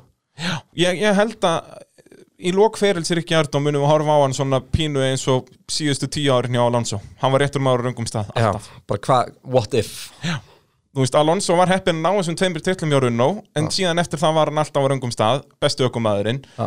Ríkjard og ég hrættur um að hans ferill eigi að verða hann er aldrei eftir að vera mestari en á eftir að vera bestu ökumæðurinn í formule 1 í 15 ári eða eitthvað skilur þannig að- að þetta gæti orðið sorgarsega Nota bene eitt sem var mjög áhugavert var að hérna, uh, það kom út í einhverju, einhverjum samtalegtum um daginn, hvað það er einhverju podcast eða eitthvað, það sem sagt eh, út í vorum að tala um með aukumenn og hver er enda og eitthvað Mhm. og bara með album bara til að skjóta sinn uh, það er alltaf verið að segja að það sé útilokað af, af uh, Red Bull fara að sækja einhvern utan akademinar en þeir voru víst alveg bila nálægt í að sæna Kimi Rækonin hérna þegar Webber hætti já, er það alveg bara þú veist, það var Hva- komið þá samningur er- á borðið og allt Þá er Rækonen, er hann búinn, já, þá þá er hann komið með kompakki er hjá Lotus þarna, já. já.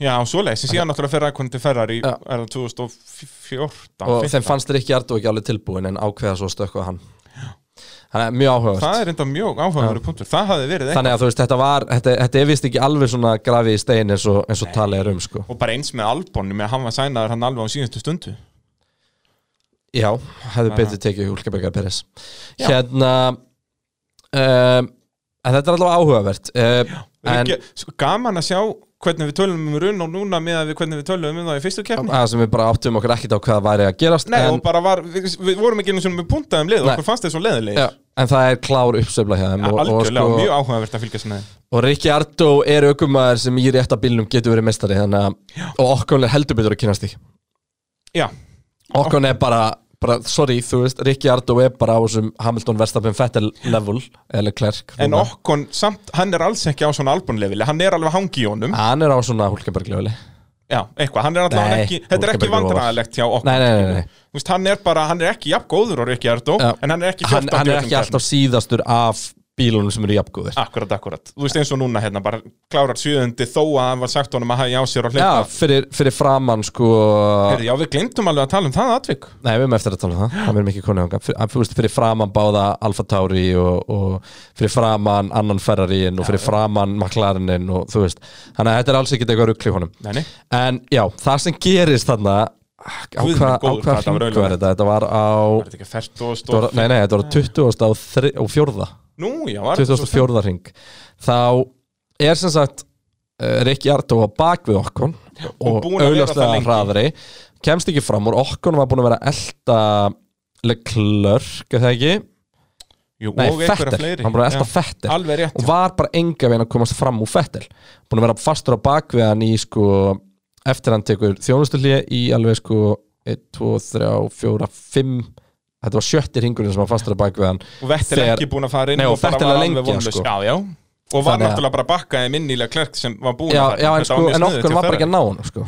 en uh, en uh, í raun og veru sko, þannig að þeir skipta og setja Ricciardo framfyrir og Ricciardo við það að fara fram úr liðsfélaganum fer út fyrir brautina og fær 5 sekundar refsingu Læsir hjólum, alveg þetta var... þetta Þetta var ógeðslega auðlalegt hann gerir þetta of seint á beinakablanum hann er, okkur er komin inn í beiguna þegar Rikki Ardó er komin upp við hliðina á honum Já.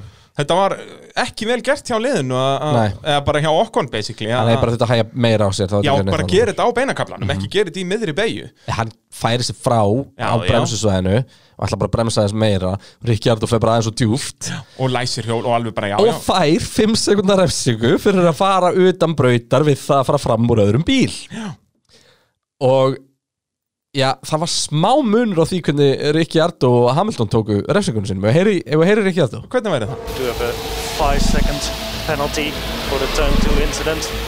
Okay, I'll drive faster. Cheers, buddy. Yeah, that's my bad. I'll make up for it. I'll drive faster þessi gæi, sko, ég elska hann svo mikið Þetta er geggjað ó, Svo mikið- svílgur Þetta er svo maður mikið töffaraskapur geggjað, þú veist, hann vissi alveg upp á sér sökina og já, bara já, vissi og bara líka auðvitað. út að þetta var svo auðlalegt enda síðan ekki á tapaninn á þessu sko hérna. Nei, nei. því að hann bara Út er af því að meirinn hann 5 sekundum fyrir ákvað- framann í- ákvað að gera bara Já. hraðar. geggjaður og hann náttúrulega átfettel þannig að bara einhverjum sekundum setna og, já, og bara hann það gerir tók hann þetta. eitt ringkvældi og tók hann fram úr, sko, þannig að þetta var ekkert ekkert vandamál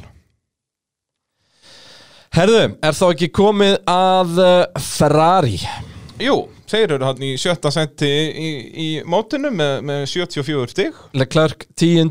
í tímatökum 7. í keppni, Fettel 14. í tímatökum 13. í keppni uh, eins og við segjum að Fettel krassaði náttúrulega í tímatökunum en uh, það er ekkert hægt að segja Fettel til varnar í þessari keppni, hún var ömuleg það var allt ömulegt hjá honum og þessi helgi gjössamlega ömuleg og Ferrarin er bara auðljóslega alltaf að færa hans næri Leclerc í axtustil, þú veist það er bara að þróan fyrir Leclerc og Fettel höndlar ekki allar 200 bílum Já Það er bara nák- Ég get ekki beðið eftir Fett- Vettel á Fettel næsta vill ári ekki li, svona lifandi bíla sem hreyfast mikið Þannig að ég held að Racing Pointin væri bara Já, og þá líka verður sá bíl hannaður fyrir hann öllum Sem líka sagt- Ég held að hann sé það alveg fyrir Já, Þú veist Ég hugsa að munurinn á Ef við myndum setja verstappen í hinbensin Þá hugsa ég að verstappen væri á pari við Hamilton Eða í við hægari Já. Ef við myndum eins og að setja Hamilton í hinn Red Bullin Þá hugsa ég að verstappen myndi geta já Út af því Út að í að- Hamilton Ha- fílar lifandi Nei, Verstappen fílar lifandi bíla Já, hann getur bara kyrk hvað sem er einhvern já. veginn.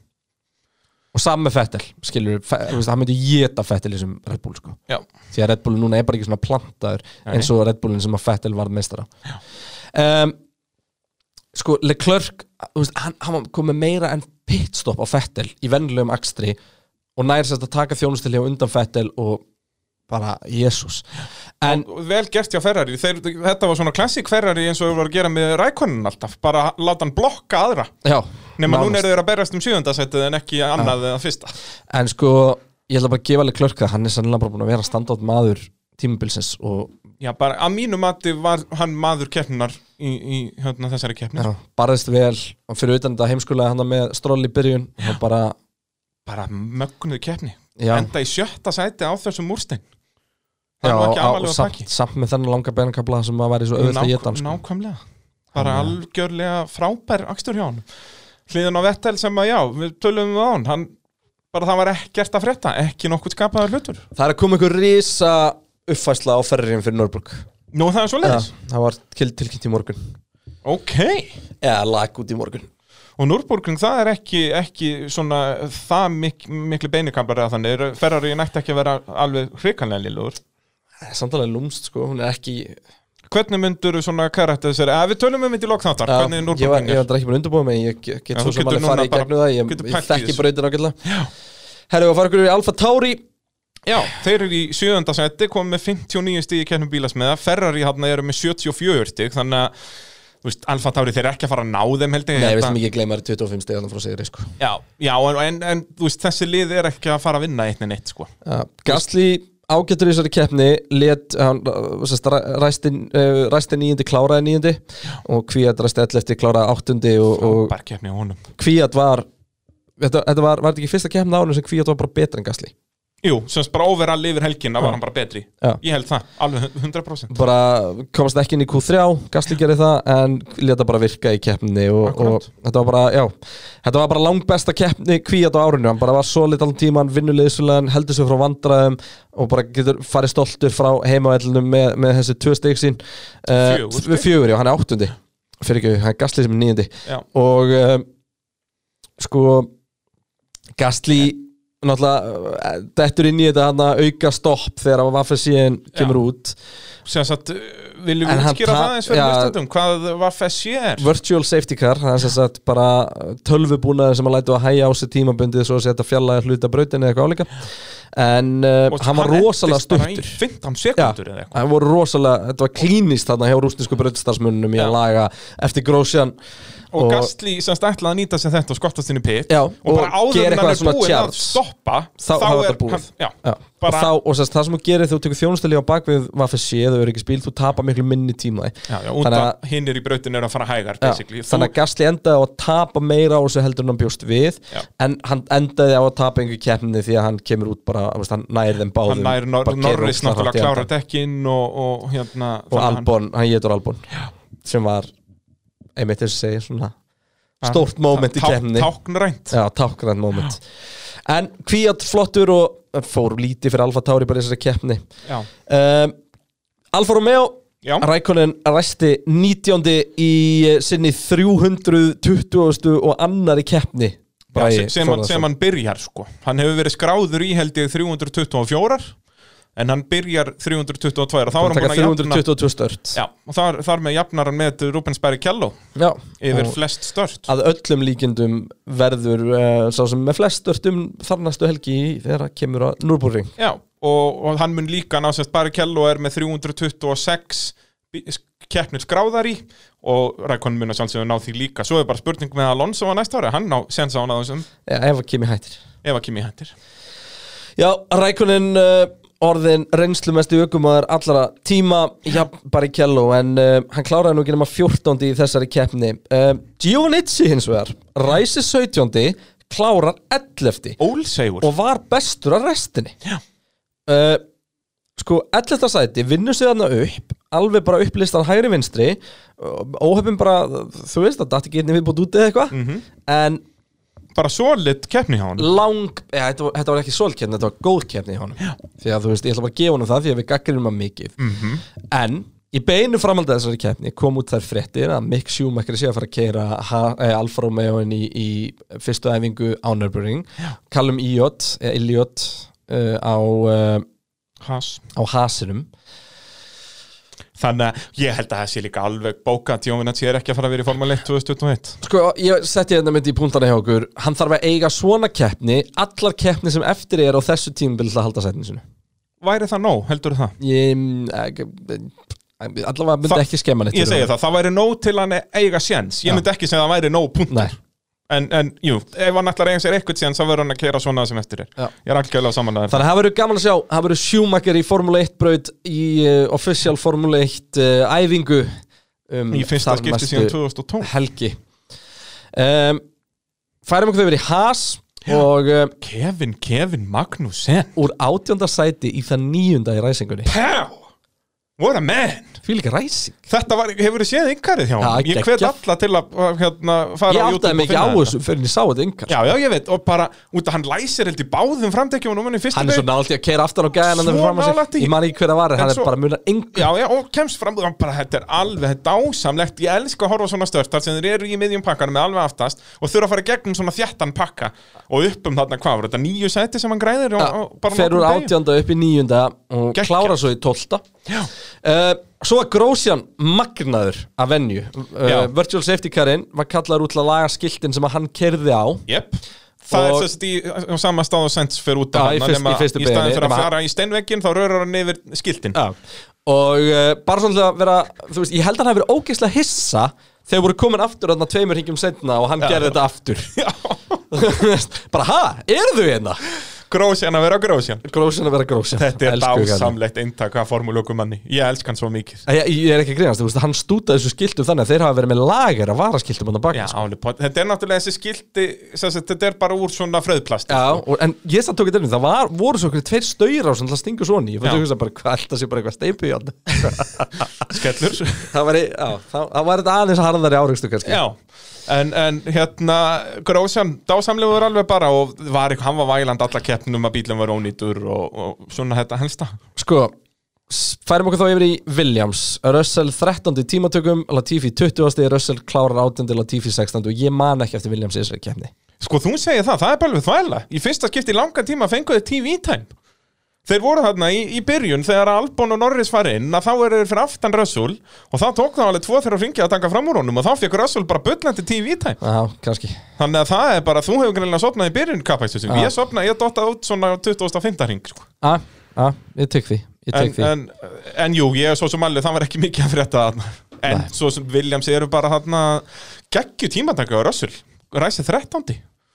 Já, Það, við verðum nú gefun um það, hann er alltaf hann svona að flörta við að komast inn í Q2 og núna komst hann nokkuð öruglega þar inn og var bara svolít í Q2 var hann meðjan pakka af þeim sem að dett út 13. af, hvað er þetta, 16 sem eru í, í Q2 já Já, þannig ég að bara, bara solid en síðan endar hann eftir Latifi Latifi endar 16. og Russell 18. og jafnbremt síðastur þeirra sem að ljúka keppni þannig að það er bara, bara svolítið svoleiðis Kristján minn Já, erum við þá ekki bara búin að fara í gegnum allt í þessum leiðilega rúslaskapastri? ég held það, ég nú held ég að sé bara komið að þessu hér Eða að skella okkur í spáldómskeppni Pitsins Ætlar ekki að búti jingle fyrir þetta? Ég þarf nefnilega, ég hef kannski fyrir næsta þátt að ég hendi í trailer Það verður gaman ef við gerum bara svona- svona mót millu okkar Já, nú sko Ég, ég kom ágætt út úr þessu Það er rámt, Kristján Nei, ég meina, ég sagði að Hamilton myndi ekki vera á palli Hvernig virkar spátumskefni? Hver er bestur? Henduði út þunnar Meðan að B-hundurinn, Kveldgeir Ég virði hann að spátum Takk þér Svissaðu Albon og Peres Og ekki mikið setna núna Peres og Albon Nei, Kemur ekki til mála Jú, það er spátdómskeppni Pitsins Bara bing, bara búm Þessi trailer verður ekki þreyttur Með mig, Þetta er bara dásanlegt það er blá málið uh, Kristján, þú kveldskest í degið uh, Ég kveldskeitt ekki uh, Ég myndi segja að Albon, Stroll og Norris hefur kveldskeittið Þú kveldskest í degið, setti degið í opnin Og nú angar íbúðin í nöll Það er svolítið hannig Það er svolítið þannig uh, Kristján, þú spáður Albon í, í fjórðasætti Það hann gerir það ekki Nei, hann endar tíundi, þannig að mínus 6 þar Svo spáður Stroll í Hann fymta situr ennþá upp á einhvern vegg Hann er ennþá upp á veg, þannig að mínus 15 slumur þar Og Norris í, í sjötta Hann er bara í golfi Hann er í golfið, þannig að mínus 9 þar Þannig að nú ert þú komið með mínus 157 stig Takk fyrir uh, Á meðan að B-hundurinn spáði Peres í fjórða Pá! 0 stig Svo er það Albon í, í fymta, Pínus geta þar, fann mínus 5 stig á hann Rikki Ardó í sjötta, bara mínus 1 Pá! Samtals bara mínus 6 og ég er með mínus uh, 134 og er að kjöldra að þig Já, Það er þetta svoleiðis. var, þetta var skellur Þetta var verulega skellur fyrir káselin Já En, en hvernig ætlar það að spá Við gleymum alltaf að undirbúa hvernig við ætlum að fara að spá Mhm. Hvernig ætlar að spá fyrir uh, The Nürburgring Ég geti að senda bara Nicky Láta í fyrsta sendið eða eitthvað Það er Svo langt síðan Já, vorum við erum á alltaf Nürburgring. spáðum fjóruða sko Þannig að hann, Já, rétt hann, hann verður það fyrir framann Það verður það fyrir framann uh, Nürburgring Þetta er, þetta er uh, það, þetta er orðið svo erfitt því Þetta geta Já. allir einhvern veginn Þa, púlað eitthvað út sko. þetta var svo frábært múfi á okkur að færa okkur yfir í fjóra til sjötta sent Já. og það er, það er Mm. Fyrir utan það þetta. skilur enginn hvað við erum að gera Jú, ég er svona einn eða tveir Herðu, ég sko, ég gæti haldi mig við sömusbá nánast Já, Albon En Stroll Norris. Ég bara, mér finnst ekki Ardóa sem mittlu swingi, sko, ég vil Ú. fá hann hann inn Já. En, hann er ég ætla að segja Ég ætla að segja Peres Þú ætlar að hendi Peres Nei, fjórði ég ætla að hendi Stroll Stroll fjórði Já. Og Ricciardo Albon fimmti. og Ricciardo. Albon, Albon Ricciardo Ég ætla að henda í af hverju eru að setja Albon hann? Hann er alltaf í degin Já, já Ég ætla að henda Ricciardo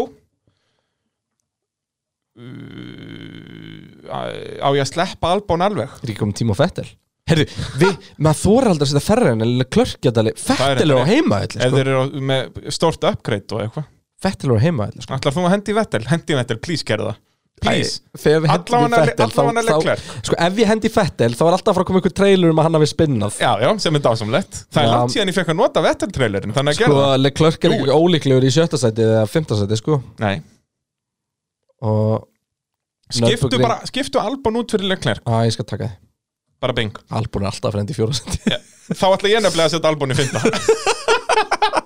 Ég er að ná að plata það út í ykkur að vitleysu, ég elska þetta Mm. Ég ætla að hafa þá Rikki Ardó, Albon og Svo náttúrulega er sko móður sýsti Perez. frænku Latifi Hún fættist á nöfnum þannig að hann getur mjög Já, sterkur. heyrðu, já, nei, heyrðu. Ég myndi skipta út Rikki Ardó og, fyrir Lati- og Latifi Það er enda gott sjátt Ég vissi þetta ekki nefnilega, þú ert náttúrulega með Með staðrindar staðrindar og reynir, sko Það Uspar er alltaf verið mikið tenging millir Kanadamannsins og Nörbjörn Já, það er það, það er bara, ég menna þetta Jules Villeneuve stóð sem alltaf vel hann uh, Ég er þá með Rikki Ardó, Albon og Peres Bara bing, bara bum Þannig nú erum við ekki með, jú, eina nafni sem við erum báðir með er Rikki Ardó En ég er með hann fjórða og þú sjötta Þannig að þetta Það er verður- af sem áður var þegar við erum báðið með runumann Já, nákvæmlega Þetta er það sem við vorum að tala um áðan Það er how times have changed En þú veist, en runum gæti alveg bara mætt þarna og verið bara uh, þú veist, með bæði okkur og, og Rikki Ardó í þessum sætum sko Það Það er svo leiðin sko er allt galopið hann í miðinni sko. Þetta er, ég elska hennar midfield Þú veist, þetta er bara að henda einhverjum nöfnum fram og vona það besta sko Þetta er Og bara það meira við sem erum að eins og gera. núna, við erum að tala um hvað rúslaskapastunum var leiðinlegur Í midfieldslagnum var hann geðast skemmtilegur Eins og það er alltaf Ef þú bara sleppir því að horfa á þess að fyrsta þrjá Það er bara þannig Það er nákvæmlega svo leiðis uh, Er þá komin tíma á þetta hér? Spyrjið pittin Hver er tilgangur lífsins? Spyrjið okkur facebook.com skástrygg pitturinn Hvernig fór þessi formúli eiginlega? Er ekki allur orðinni þreyttir á þessum Hamilton? Var hann að klára bensínu sig? Hvernig verða Ferrari góðir? Við höfum svörin Við vitum allt um formúlu 1 Jú, það eru Facebook kommentin og uh, þar er uh, já, fyrsti maður með, með spurningu hér í, í skælinu hjá mér er Ágúst Bjarni Ræðið aðeins þetta krass í formúlu 2 Uh, við vitum ekkert um Formule 2 Þú segir bara við vitum allt um Formule 1 Heyrðu, það er enda rétt, já. En Þannig að- eh, Kristján, þú veist eitthvað um Formúlu 2? Já, ég uh, veit aðeins um, um Formule 2 og Já.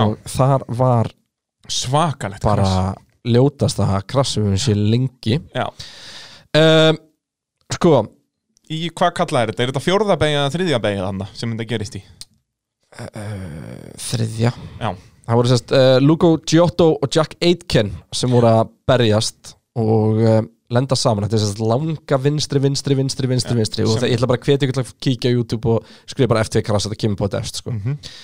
Þeir lenda saman á exitinu og þeir eru náttúrulega að byggja hraða upp í gegnum allir þessa beigju og Já. bara bomba inn í veggin sko. Þeir fara, og, við erum ekki að tala um sko, þegar ég segi inn í veggin þá meina ég að þeir fóru báðir í gegnum fyrsta lagið af veggnum og enduðu bókstælega inn í honum Og það er einmitt það sem var svo skerið við þetta er að veggurinn gleipir það. Þetta er ekki, mér, það þarf eitthvað að fara að skoða þetta. Þú veist, vegginn er eiga að kasta þeim aðeins frá. Þeir eiga náttúrulega að dempa höggið, en ekki, þú veist, út að þarna stoppar bílinn á svo stuttum tíma. Já. Þú veist, Já, og fer það- bara undir á, sko. Já, ég segi það. Þú veist, þetta var þeir alveg verða svona- að vera ef- hannaðir þú veist- þannig að þeir skoppa aðeins frá og svona, Þetta var alveg svona, þú veist, guðisólu fyrir heilu þetta dæmi, sko. Já, akkurat, út af einmitt þarna þegar þú endar inn í vegg að þá hafði leikandi verið veggur og haus hann, hann er að fara, menn alltaf sko nefið á þessum bílum er svo lágt Já, hann allt, er að- ef þú klessa á eitthvað þá ferða hann alltaf bara Já. yfir bílinn veist, akkur er nefið á þessum bílum er svo lágt því að það verður að vera í sömu hæð og rauða afturljósið á bílunum því að það er krastræktjörn aftan á Já, þetta er mjög Sturlu staðrind já, þannig að það þarf eiginlega bara að hækka hans þetta ljós sko. en um, og fáum aftur ljóta bíla eins og síðan 2012 kviknar með þessi í öðru öðru sko. já, og logar og logar lengi Já. við töluðum aðeins um þetta síðast þegar að þetta gerist fyrir bílinni á stról sem sýnir svolítið hittan sem er í gangi að maður sko þetta er rosalegt, ég er einmitt að að horfa á þetta enn aftur og þetta er bara, þú veist, þetta er bömp en þetta er bara svo ljótt, þegar fara inn í veggin og svo bara brennur, þú veist, ég veit Og ekki hvað meira ég á að segja en það er lægi með báða aukumenn já, já, þeir En- hoppuðu að nú löðrandi léttir en þú veist, þetta var með þeim svakalegri sko. Uh, Andri Snær spyr uh, af hverju ætli Hamilton komist upp með að brjóta reglur tvei svarf á refsingu innan svega tvo punta þarna á, á þessum tíma sem hann skrifar þetta var ekki búið að taka það af honum og væla svo það mikið að puntandir eru teknir af honum Puntarnir voru ekki teknir á hann út af væli Puntarnir voru teknir á hann út af liði bara að fá með formlega kvörtun sko. Jep. Þannig að þetta er ekki alveg þannig eh, Nei, og, og hérna Já, það er og hvernig hann kemst upp með það ég vissum að hann horfi ekki á þetta þannig Nei, hann lítur á sem svo að honum hafi verið uh, hann hafi verið flengdur Já, af basically. keppnisstjórn. Einar Þór spyr, uh, radio message frá Hamilton svo Viltu við ekki frekar spila þetta heldur en að lesta það? Jú, jú, spilum þetta bara bæði aftur hérna Got a five second penalty for each out of position. Where is that in the rule book? Og svo Ricciardo Okay, I'll drive faster. Cheers, buddy.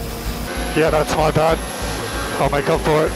uh, og svo spyr Einar hvort myndið þú vilja hafa í liðinu þínu Hamilton já, það verður út af því að Hann hann vinnur hann, hann keirir Formule 1 bíl hraðar Nei, nei, ég er ekkert eitt alveg viss um- Já, já og nei En sko, ég myndi miklu frekar hafa með bjór með Ricciardo allavega já, það er, Alveg það er 100%. svolítið svoleiðis að- að- Og fara í roadtrip með Ricciardo Ú, Myndi húi. frekar vilja búa með Ricciardo heldur en Hamilton Og gera eiginlega allt með Ricciardo frekar en Hamilton já, en ef En- ég ætla að fá okkur til að keira bíla minna að þá Það kannski, mögulega hefur samt ekki Hamilton maður veit aldrei út af þeir eru í mismunandi liðum og allt þetta Já, kannski Rikki ekki Ardó er alltaf bara- topp týr sko algjörlega, við- eins og margótt hefur Hann komið fram gæti fyrir orðið heimsmyndstari í réttum bíl Já. Það er bara hann En uh, þetta er bara svo hart Þetta er svo töff ég veit það ég elska hann mann svo mikið Hann líka sko, hann kemur með eitthvað svona Terminator rödd Já, Þegar já. hann er að segja þetta sko I'll drive I'll drive faster God damn it, Gump Þetta er geggjað Guðmundur Orrið spyr, er þetta síðast ár Hamilton? Nei.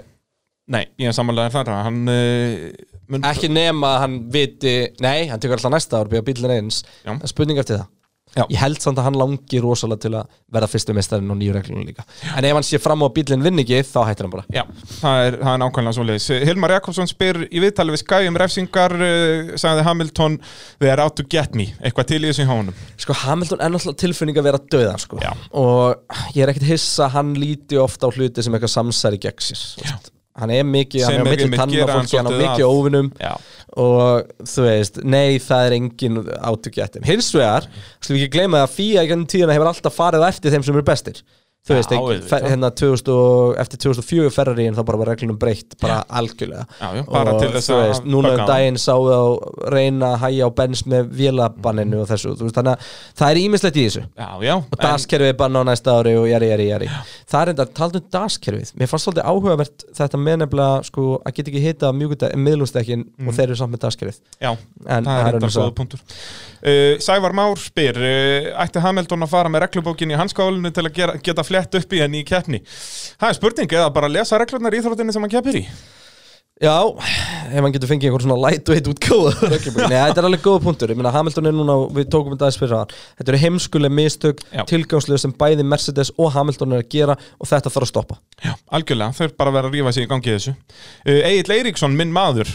spyr, uh, hvernig er það með team orders er það leifilegt að láta það skipta um stöðu þá er hann að tala um runuandvikið mann eftir dramanu að Ferrari og Hokkina hérna um árið þá var allt brjál Já, það var reynd að banna liðskipanir, það var regla sem var aldrei að fara að virka þannig að Nei, sko, ok, við skulum hlusta á sest, atvikið sem hann er að tala um þetta gerist á Hokkina, milli Alonso og Massa og þá er á þeim tíma sem að það er bannað að segja ökumunum að taka fram úr þannig að þá þurftu liða að gera svona coded message þannig að enginn myndi skilja hvað er voru að meina og það skilur enginn þetta og hér skulum við Það er eiginlega ótrúlega Hlusta. einhver, einhver snilling, var þetta Hockenheim segir við? Hockenheim. Þetta hafa þá verið gömlu þýsku hersveitinar að Ég debunka held að hérna þeir hafa- kóðan Já, þeir hafa verið bara með hérna eh, hvað hétt maskinan þeirra aftur, ég er búin að gleyma því Já, ég er búin að glemja það líka A- að hérna Enigma, þeir voru Já. með Enigma-vélina og en einhvern veginn náði einhver að skilja þetta við skulum heyra þessi, þessi dulnu skilaboð Okay, so Fernando is faster than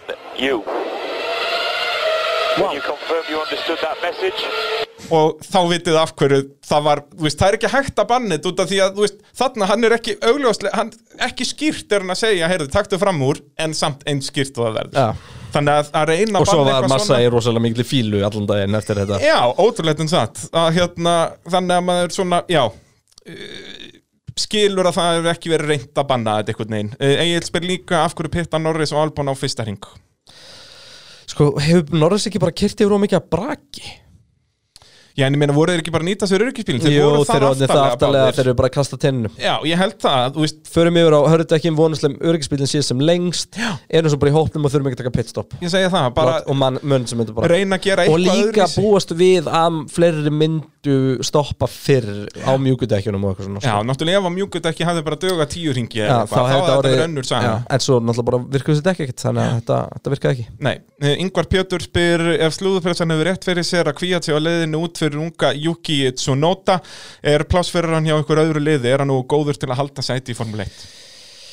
Já, já, kvíða til alveg nógu góð til að halda sæti í formuleit Hann er ekkert eitthvað joke En, hann er, En er það, hann að fara að ekkert, gera það? það er ekkert til að halda í hann nema að það séu bara einhver alveg rúsneski peningar á bakveða Já, ég held nefnilega að þú veist, ég er sammála að hann er alveg nógu góður til að vera í Þú Formule veist, 1 hann á alveg en jafn ef hann mikið missir heima í- sætið, þá er hann ekki að fara að vera í Formule 1 Hann á meira heim í formuleitt Þetta um Giovanizzi Hann á Já, meira og heim í Grosjean formuleitt og Þetta um Magnussen Latifi Grósjan og Magnúsin eru báðsund ógslag snuggir á sínum degi Já, Bara hans já. er alltaf bara búið að vera svo steikt lið ofan á allt sko En, já, en ég- ég er sem sagt ég er sammála En því ég að mun hann ekki eigi- sakna hans neitt Nei, ekki neitt Ég, ég er sammála þessu að hann ætti sæ- hann á alveg sæti í Formule 1 en ef hann missir sætið sitt þá held ég að hann missir sæti þess að þá verður hann Já. ekki í Formule 1 hann, hann er ekki það góður að eitthvað has eða eitthvað svona sé að fara að sækja þannig að eh, Kristinn Már spyr er eh, kvíat vannmetin flottur akstur í dag og stegasæti í síðustu þremur keppnum Eh, Van, nei, ég held að hann sé bara alveg rétt um, metin já, já, Hann er bara fýtt Hann er ekki ofmetin og ekki vannmetin, Já. hann er bara metin Hann er aldrei að vera frábær hann er bara Hann svona er bara fínn. solid, þú veist eins og hann í Alfa Tauri bara Hann mjög tapar solid fyrir að hafa öllum liðsfélögum sem hafa verið með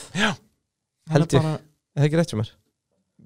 hvernig var hann fyrir, hver var í Toro Rosso þegar, nei, hann hlýtur á unni þanga fyrst að hann fekk tækifæri upp í Red Bull hver var með honum þá?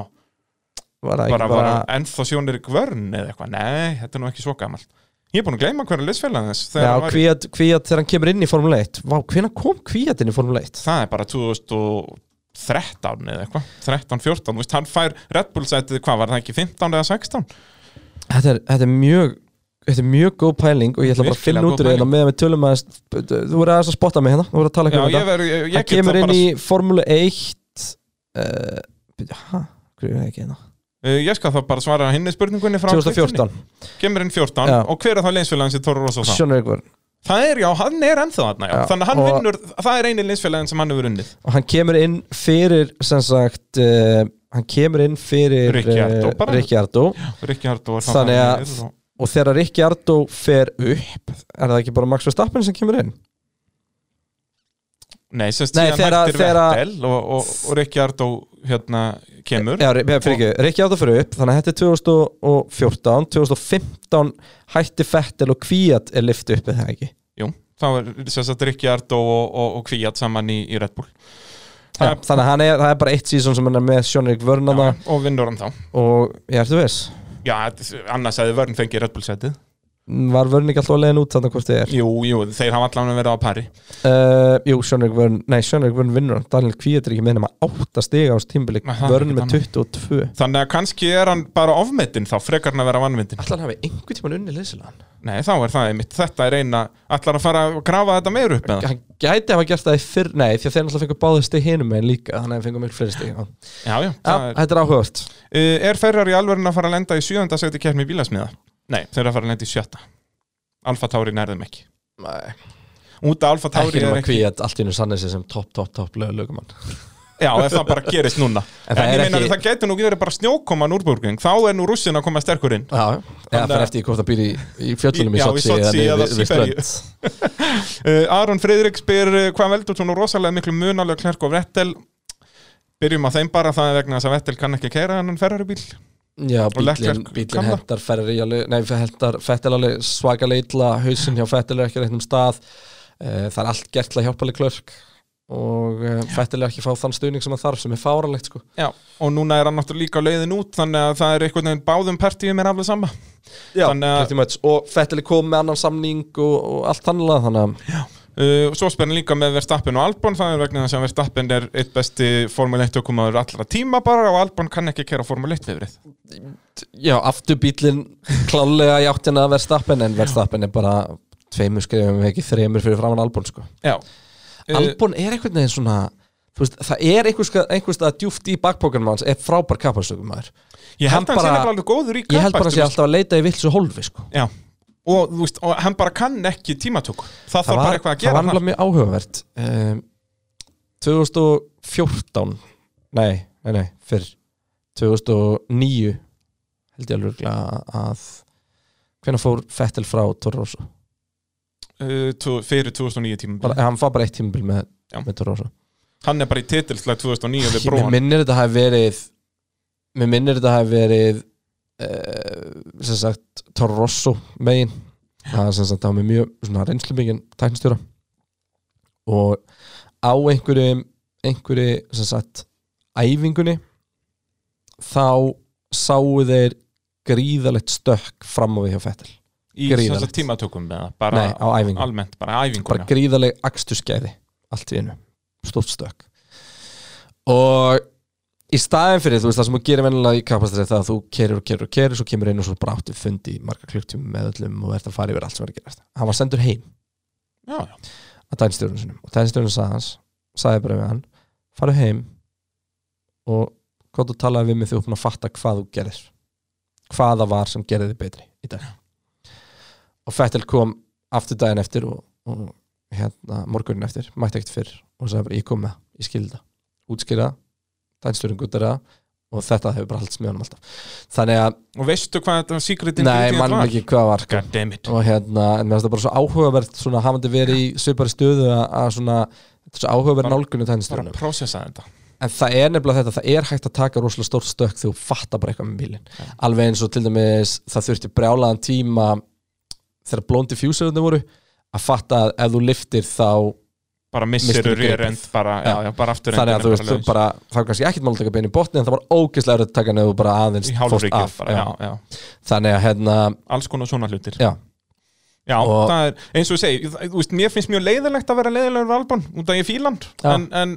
Hann er bara ekki að gera neitt til nei, að hann við séum er bara svona skemmtilegir. leiðilegur, blessaður drengurinn Nei. uh, Óli Jón spyr, Áli Klerk ekki uh, skilið býstna mikið hrósverðan á þessum árangri á þessu bílrægi sem að ferra rér þetta árið jú, Leclerc er að stimpla sig bara með verðstafinu Hamilton Já, það Það er er eins og bara- ég talaði maður, hann er ánefa driver, driver of the day fyrir mig allavega að bara hafa- Hver var driver of the day? Ég manna ekki, ég var sennilega sofandi ég, ég, ég stóð upp með lefa kjætt með að búið neitt ekki svona blaman að finna Nei, nei, ekki neitt, sko, þetta var aðalegt Viktor Orri spyr, var ekki snuðut að hann var stig fyrir driver of the day til þess að ökuminn fá fleiri eh, til að taka áhættu á framúrakstri Nei, Jú, það væri sniðugt Nei. en það virkar ekki í praktik nei, það er bara ekki Því að þá er þetta bara vinsaldakefni Já, ég minna þetta var mím hérna í Abu Dhabi fyrir að Hulkenberg vann driver of the day bara út af þetta var síðasta keppnin hans Þannig erum við bara komin í fanbúst úr formúli E, basically Já. Þetta er þvæla, allt og mikið sem er gimmick ótrúlega bundið þessu. skríti hvernig samt er ekki alltaf bara sami göri með sko. Já, mér finnst það magna ég held að hljóta verið einhvers staðar einhver það er einhver, það er, þú veist, þú veit eitthvað að kjósa og eitthvað dótin sem er bara eitthvað sem velur þetta Já, það hlýtur að vera eitthvað svo því að þú veist já, en, En- en, þetta snýst bara um þá hver er með flest á Facebook sko. Já, það er þannig að þetta mun aldrei ganga og bara allt og mikið gimmick finnst mér Já. Þannig að ég er ósamalega þar Viktor minn uh, En þá er uh, já, já, Facebook komment komin í hús og já, Núrburgring, næsta dagskrá já, Litla veistlan sem það verður í Skemmtileg braut. oktober spáði því og þetta er ekkert eitthvað í söður Þískalandi sko. þetta það verður ískalt hann sko. það Já, er jafnvel já, spáð já. bara snjókomi já. Spurning hvort að Pirelli mæti með ne- neld dekk nei, nei, þeir bara mæta með regdekk og mæta með regdekk og Heil- verðum í kall, kall þetta slydduunni. heilsástekk Já, en hérna Nörburing er mjög skemmtileg braut Já, ég hef alltaf það áttu er- rosalega erfitt með fyrsta hlutuna henni alveg saman hvort ég er að kenna í alvöru neðu í, í hérna í þú veist, það- þú- það er þegar þið halla er líður ekki alltaf svolítið- eins og þú sért að kera ógislega hægt já. þú veist, alveg saman hvort þú sért alveg á fínum tíma sko. langar beigur sem kreppast já og eitthvað svona halla og allt í hún er eitt jól á lofti og eitthvað svona vesen. um, En uh, kannski ef við Nörburing er tölum náttúrulega ekki- bara stórkostleg braut og að Ég bara nefnilega hef nördurinn- náttúrulega ekki séð keppniðar skilur í, sem ég hef verið að fylgjast með keppninni meðvitaður um Já, ein frægasta keppni allar tíma fór náttúrulega fram hana þegar að hérna 2005 Já, með Rækonen hver leiddi aftur? uh, Það var, var ekki, Rækonen var fyrstur sem sagt, en Alonso tekur sigurinn þú veist, hann var annar Já, nei, ég er ekki að tala um hana Ég er að tala um þegar Mhm. spækerinn var í fyrsta sæti Já, hann hérna gæðin sem að kefti bara einni já, keppni já, já, og leiddi, hérna, hvað og er leiddi þetta, Markus Winkelhock eða Já, eitthvað þannig. Eh, svo leiðis, hann var einhver hollendingur eða einhver djúvillin hann Já, var hann þjóður Winkel- Þjóðurinn, Markus Winkelhock uh, Leiddi tók þátt í keppni. einni keppni árið 2007 og hann leittala í alveg slatta ringi sko. Já, bara út að sest, þetta var Út eitthvað af þvælu. öryggisbíla, hérna, Já, rigningar og örgispíla þvæla En Þú veist, þú kemur hann inn Í eina keppni Og Já, þú ert allt í og einu leiðir hana. bara Já, í fyrsta seti og líka út að hann kefti síðan aldrei eftir það það finnst mér að magnaðast að við þetta statt sko.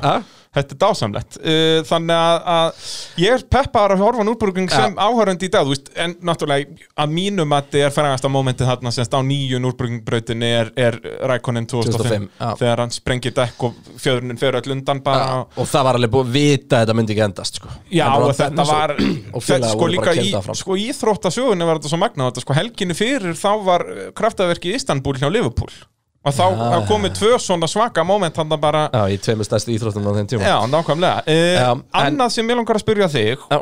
út af við byrjum að tala um Nürburgring en Sochi, þetta er Nei, ég, ég ætla keppni ár að eftir ár. klára núrbrúning Nú, já, já. Vill vill fólk ekki heyra hvernig bröðin er? Jú, hvað, ætlar að byrja á því? Já, ég ætla að, það, það var ég að beðin um það Sko, hún er blanda af hægu og háhraða Það er lítið um svona medium beigur Það er svolítið mikið bara alveg hægar eða hraðar Jú, það eru tvær hérna 90 gráð beigurnar sem að hérna, vinstri hægri eftir fyrsta kompleksið Já, já, og akkurat hérna og, en, en síðan er þetta mjög mikið bara háhraðadót þannig að ég hugsa að við sjáum bíla sem eru ekkert ósvipaðir og í Sochi í uppstillingu sem myndir, ef þú myndir líka Tiltölulega við mikill ykkur aðrar vangur. brautir tiltölulega mikill vangur uh, já, já, sem sagt, mi- mikið Silverstone. drag sem sagt, mikið halli Já. á vengjum Barcelona, Silveston já, já, ekki úl, Þannig að- últra sko, ekki en últra, þannig- nei, ekki- ekki Monaco það er alveg, stemming, en- alveg en- hrað, hraði kaplar Já, Hérna, en, en, en þetta, væri, þetta er sko- svona, það er svona draumabraut braut fyrir Benz Já, eins og allar hinnar Flestar hinnar. en, en já, ég sk- veit, veit hvað hann hinnar uh, Já, ok, þannig að þetta er svona En hvaða lið, þú veist, eins og þá í þessu miðjupakka Hverjur verða ól segir hann Er, Racing- er Racing Run og Point. Arnur góðir í öllu eða Racing það Point? þá? verður svolítið bara gaman að fá svara við því núna um helgina eða um þannig stölki Já, akkurat, það er- Hérna, það þetta verður er allir svo komin í eitthvað eðlilegt dæmi hérna, þetta er Já, alveg ég vonlust man eins og núna fyrir þessa keppni Ég var alveg bara vákvæð langt síðan var Já, svo Formúlu voru ógeðslega margir sem föttuðu ekki, hún byrjaði kl. 11 Já. og ég get sagt þér það, sérst, ræsingin 11.15, ég fattaði 11.05 eitt. Ég sem betur Því fyrir að það sekkaði sem ég- kvöldi áður Já, sko, það sem ég gerði, bara klukkan 11.05 ætla ég að fara út í búðu eitthvað og ég eitthvað, "Æ, ætla, heyrðu, ég ætla að hoppa inn á autosport sjá klukkan hvað keppnin byrjar henn og tíða svo það er alltaf með GMT þar, sko, ja. það, það automatikli skiptist yfir í, í þinn tíma ætla að sjá hvernig keppnin byrjar þá er bara va- hérna, opna autosport, það er bara live coverage from the Russian Grand Prix, ég bara, ha þú veist, ítt á það Og bara, að já, þeir eru og bara það, það var bara hérna, var verið að ta- fjalla um Hamilton penaltyið og eitthvað, ég bara, ha, hvað er að gerast og hérna, og þú veist, þá held ég að keppnið verið bara lungu byrjuð sko. Já, já. en náði að kveikja á, á, á uh, skjánum og, og fara að fylgjast með Þannig að- að núna fáum við aftur þetta agalegt að fá einna helgar pásu Já. Ítla farið með okkur en við fáum fyrstu torfarinn á höfuborgsvæðinu efver í staðin Það er rétt, ég ætla hafnafjörðurinn að kíkja, ég ætla að fara með svo minn þangað það, ég, mér líst vel að Já. það það er uh, alveg nýtt og eitthvað alls konar En- við en erum nú og ekki að fara að aftur- tala um torfæru sko. enn og aftur kemur svona minn hlaupandi Pappi, vann Ferrari? Nei nei, hann gerði það ekki Og þú veist Kristján með tári auga Nei, ég er náttúrulega ekki með tári í auga en mér finnst rosalega leiðilegt hvað þeir eru að bregðast honum já, þetta er það Annarkvæmt sko, það, það, það er eða ekki svo afan að sem að gaf honum en hann ferrar í dótabíl Já. sem að hann, hann líka sko, hann má eiga það, hann er bara Ferrari, þú veist, það hann er er bara alveg- ítalst Ferrari þegar að segja hefur það sko. eh, þú gefið honum lasagna, segir hann lasagna Já, já, reyndar er það ekki, já það er einhver, einhver ítölsk gen þarna í, Já. í gegnum þetta En það er- hann vill fara að sjá Monster Truck um helgina, þannig að ég ætla að fara með hann að það já, íslenska monstertrökk Já. getur ekki klika uh, þá ætla ég að koma með þessa spurningu sem við ætlum vor- komum að inn á áðan af hverju er Sochi svona leiðinleg Ég skil það ekki, því á pappir þá er, ok, jú, ég skil það alveg en á pappir er þetta skemmtileg braut Já, maður horfir bara á brautarmappið bara ógeðslega langur beitkabli, löng flæðandi beigja og með, þú veist, og með pínu Bakú, með pínu Tyrkland þú ert með, þú Svo veist, alls náttúrulega þessu konar beigur á algjörlega milli uník beigju þarna sem er að Ei, radíusbeigja það er það sem ég tala með um Tyrkland sko. og stóra bremsupunta og allt að gerast en fyrsta beigam skemmir eða allt Já. og, og ég er með brjálæðislega auðvitað að lustna á þessu þú ert með svona 18 km runnoffi þarna Mhm. lengdu beinakablan um 100 metra og gerðu bara uppeyðu tilbaka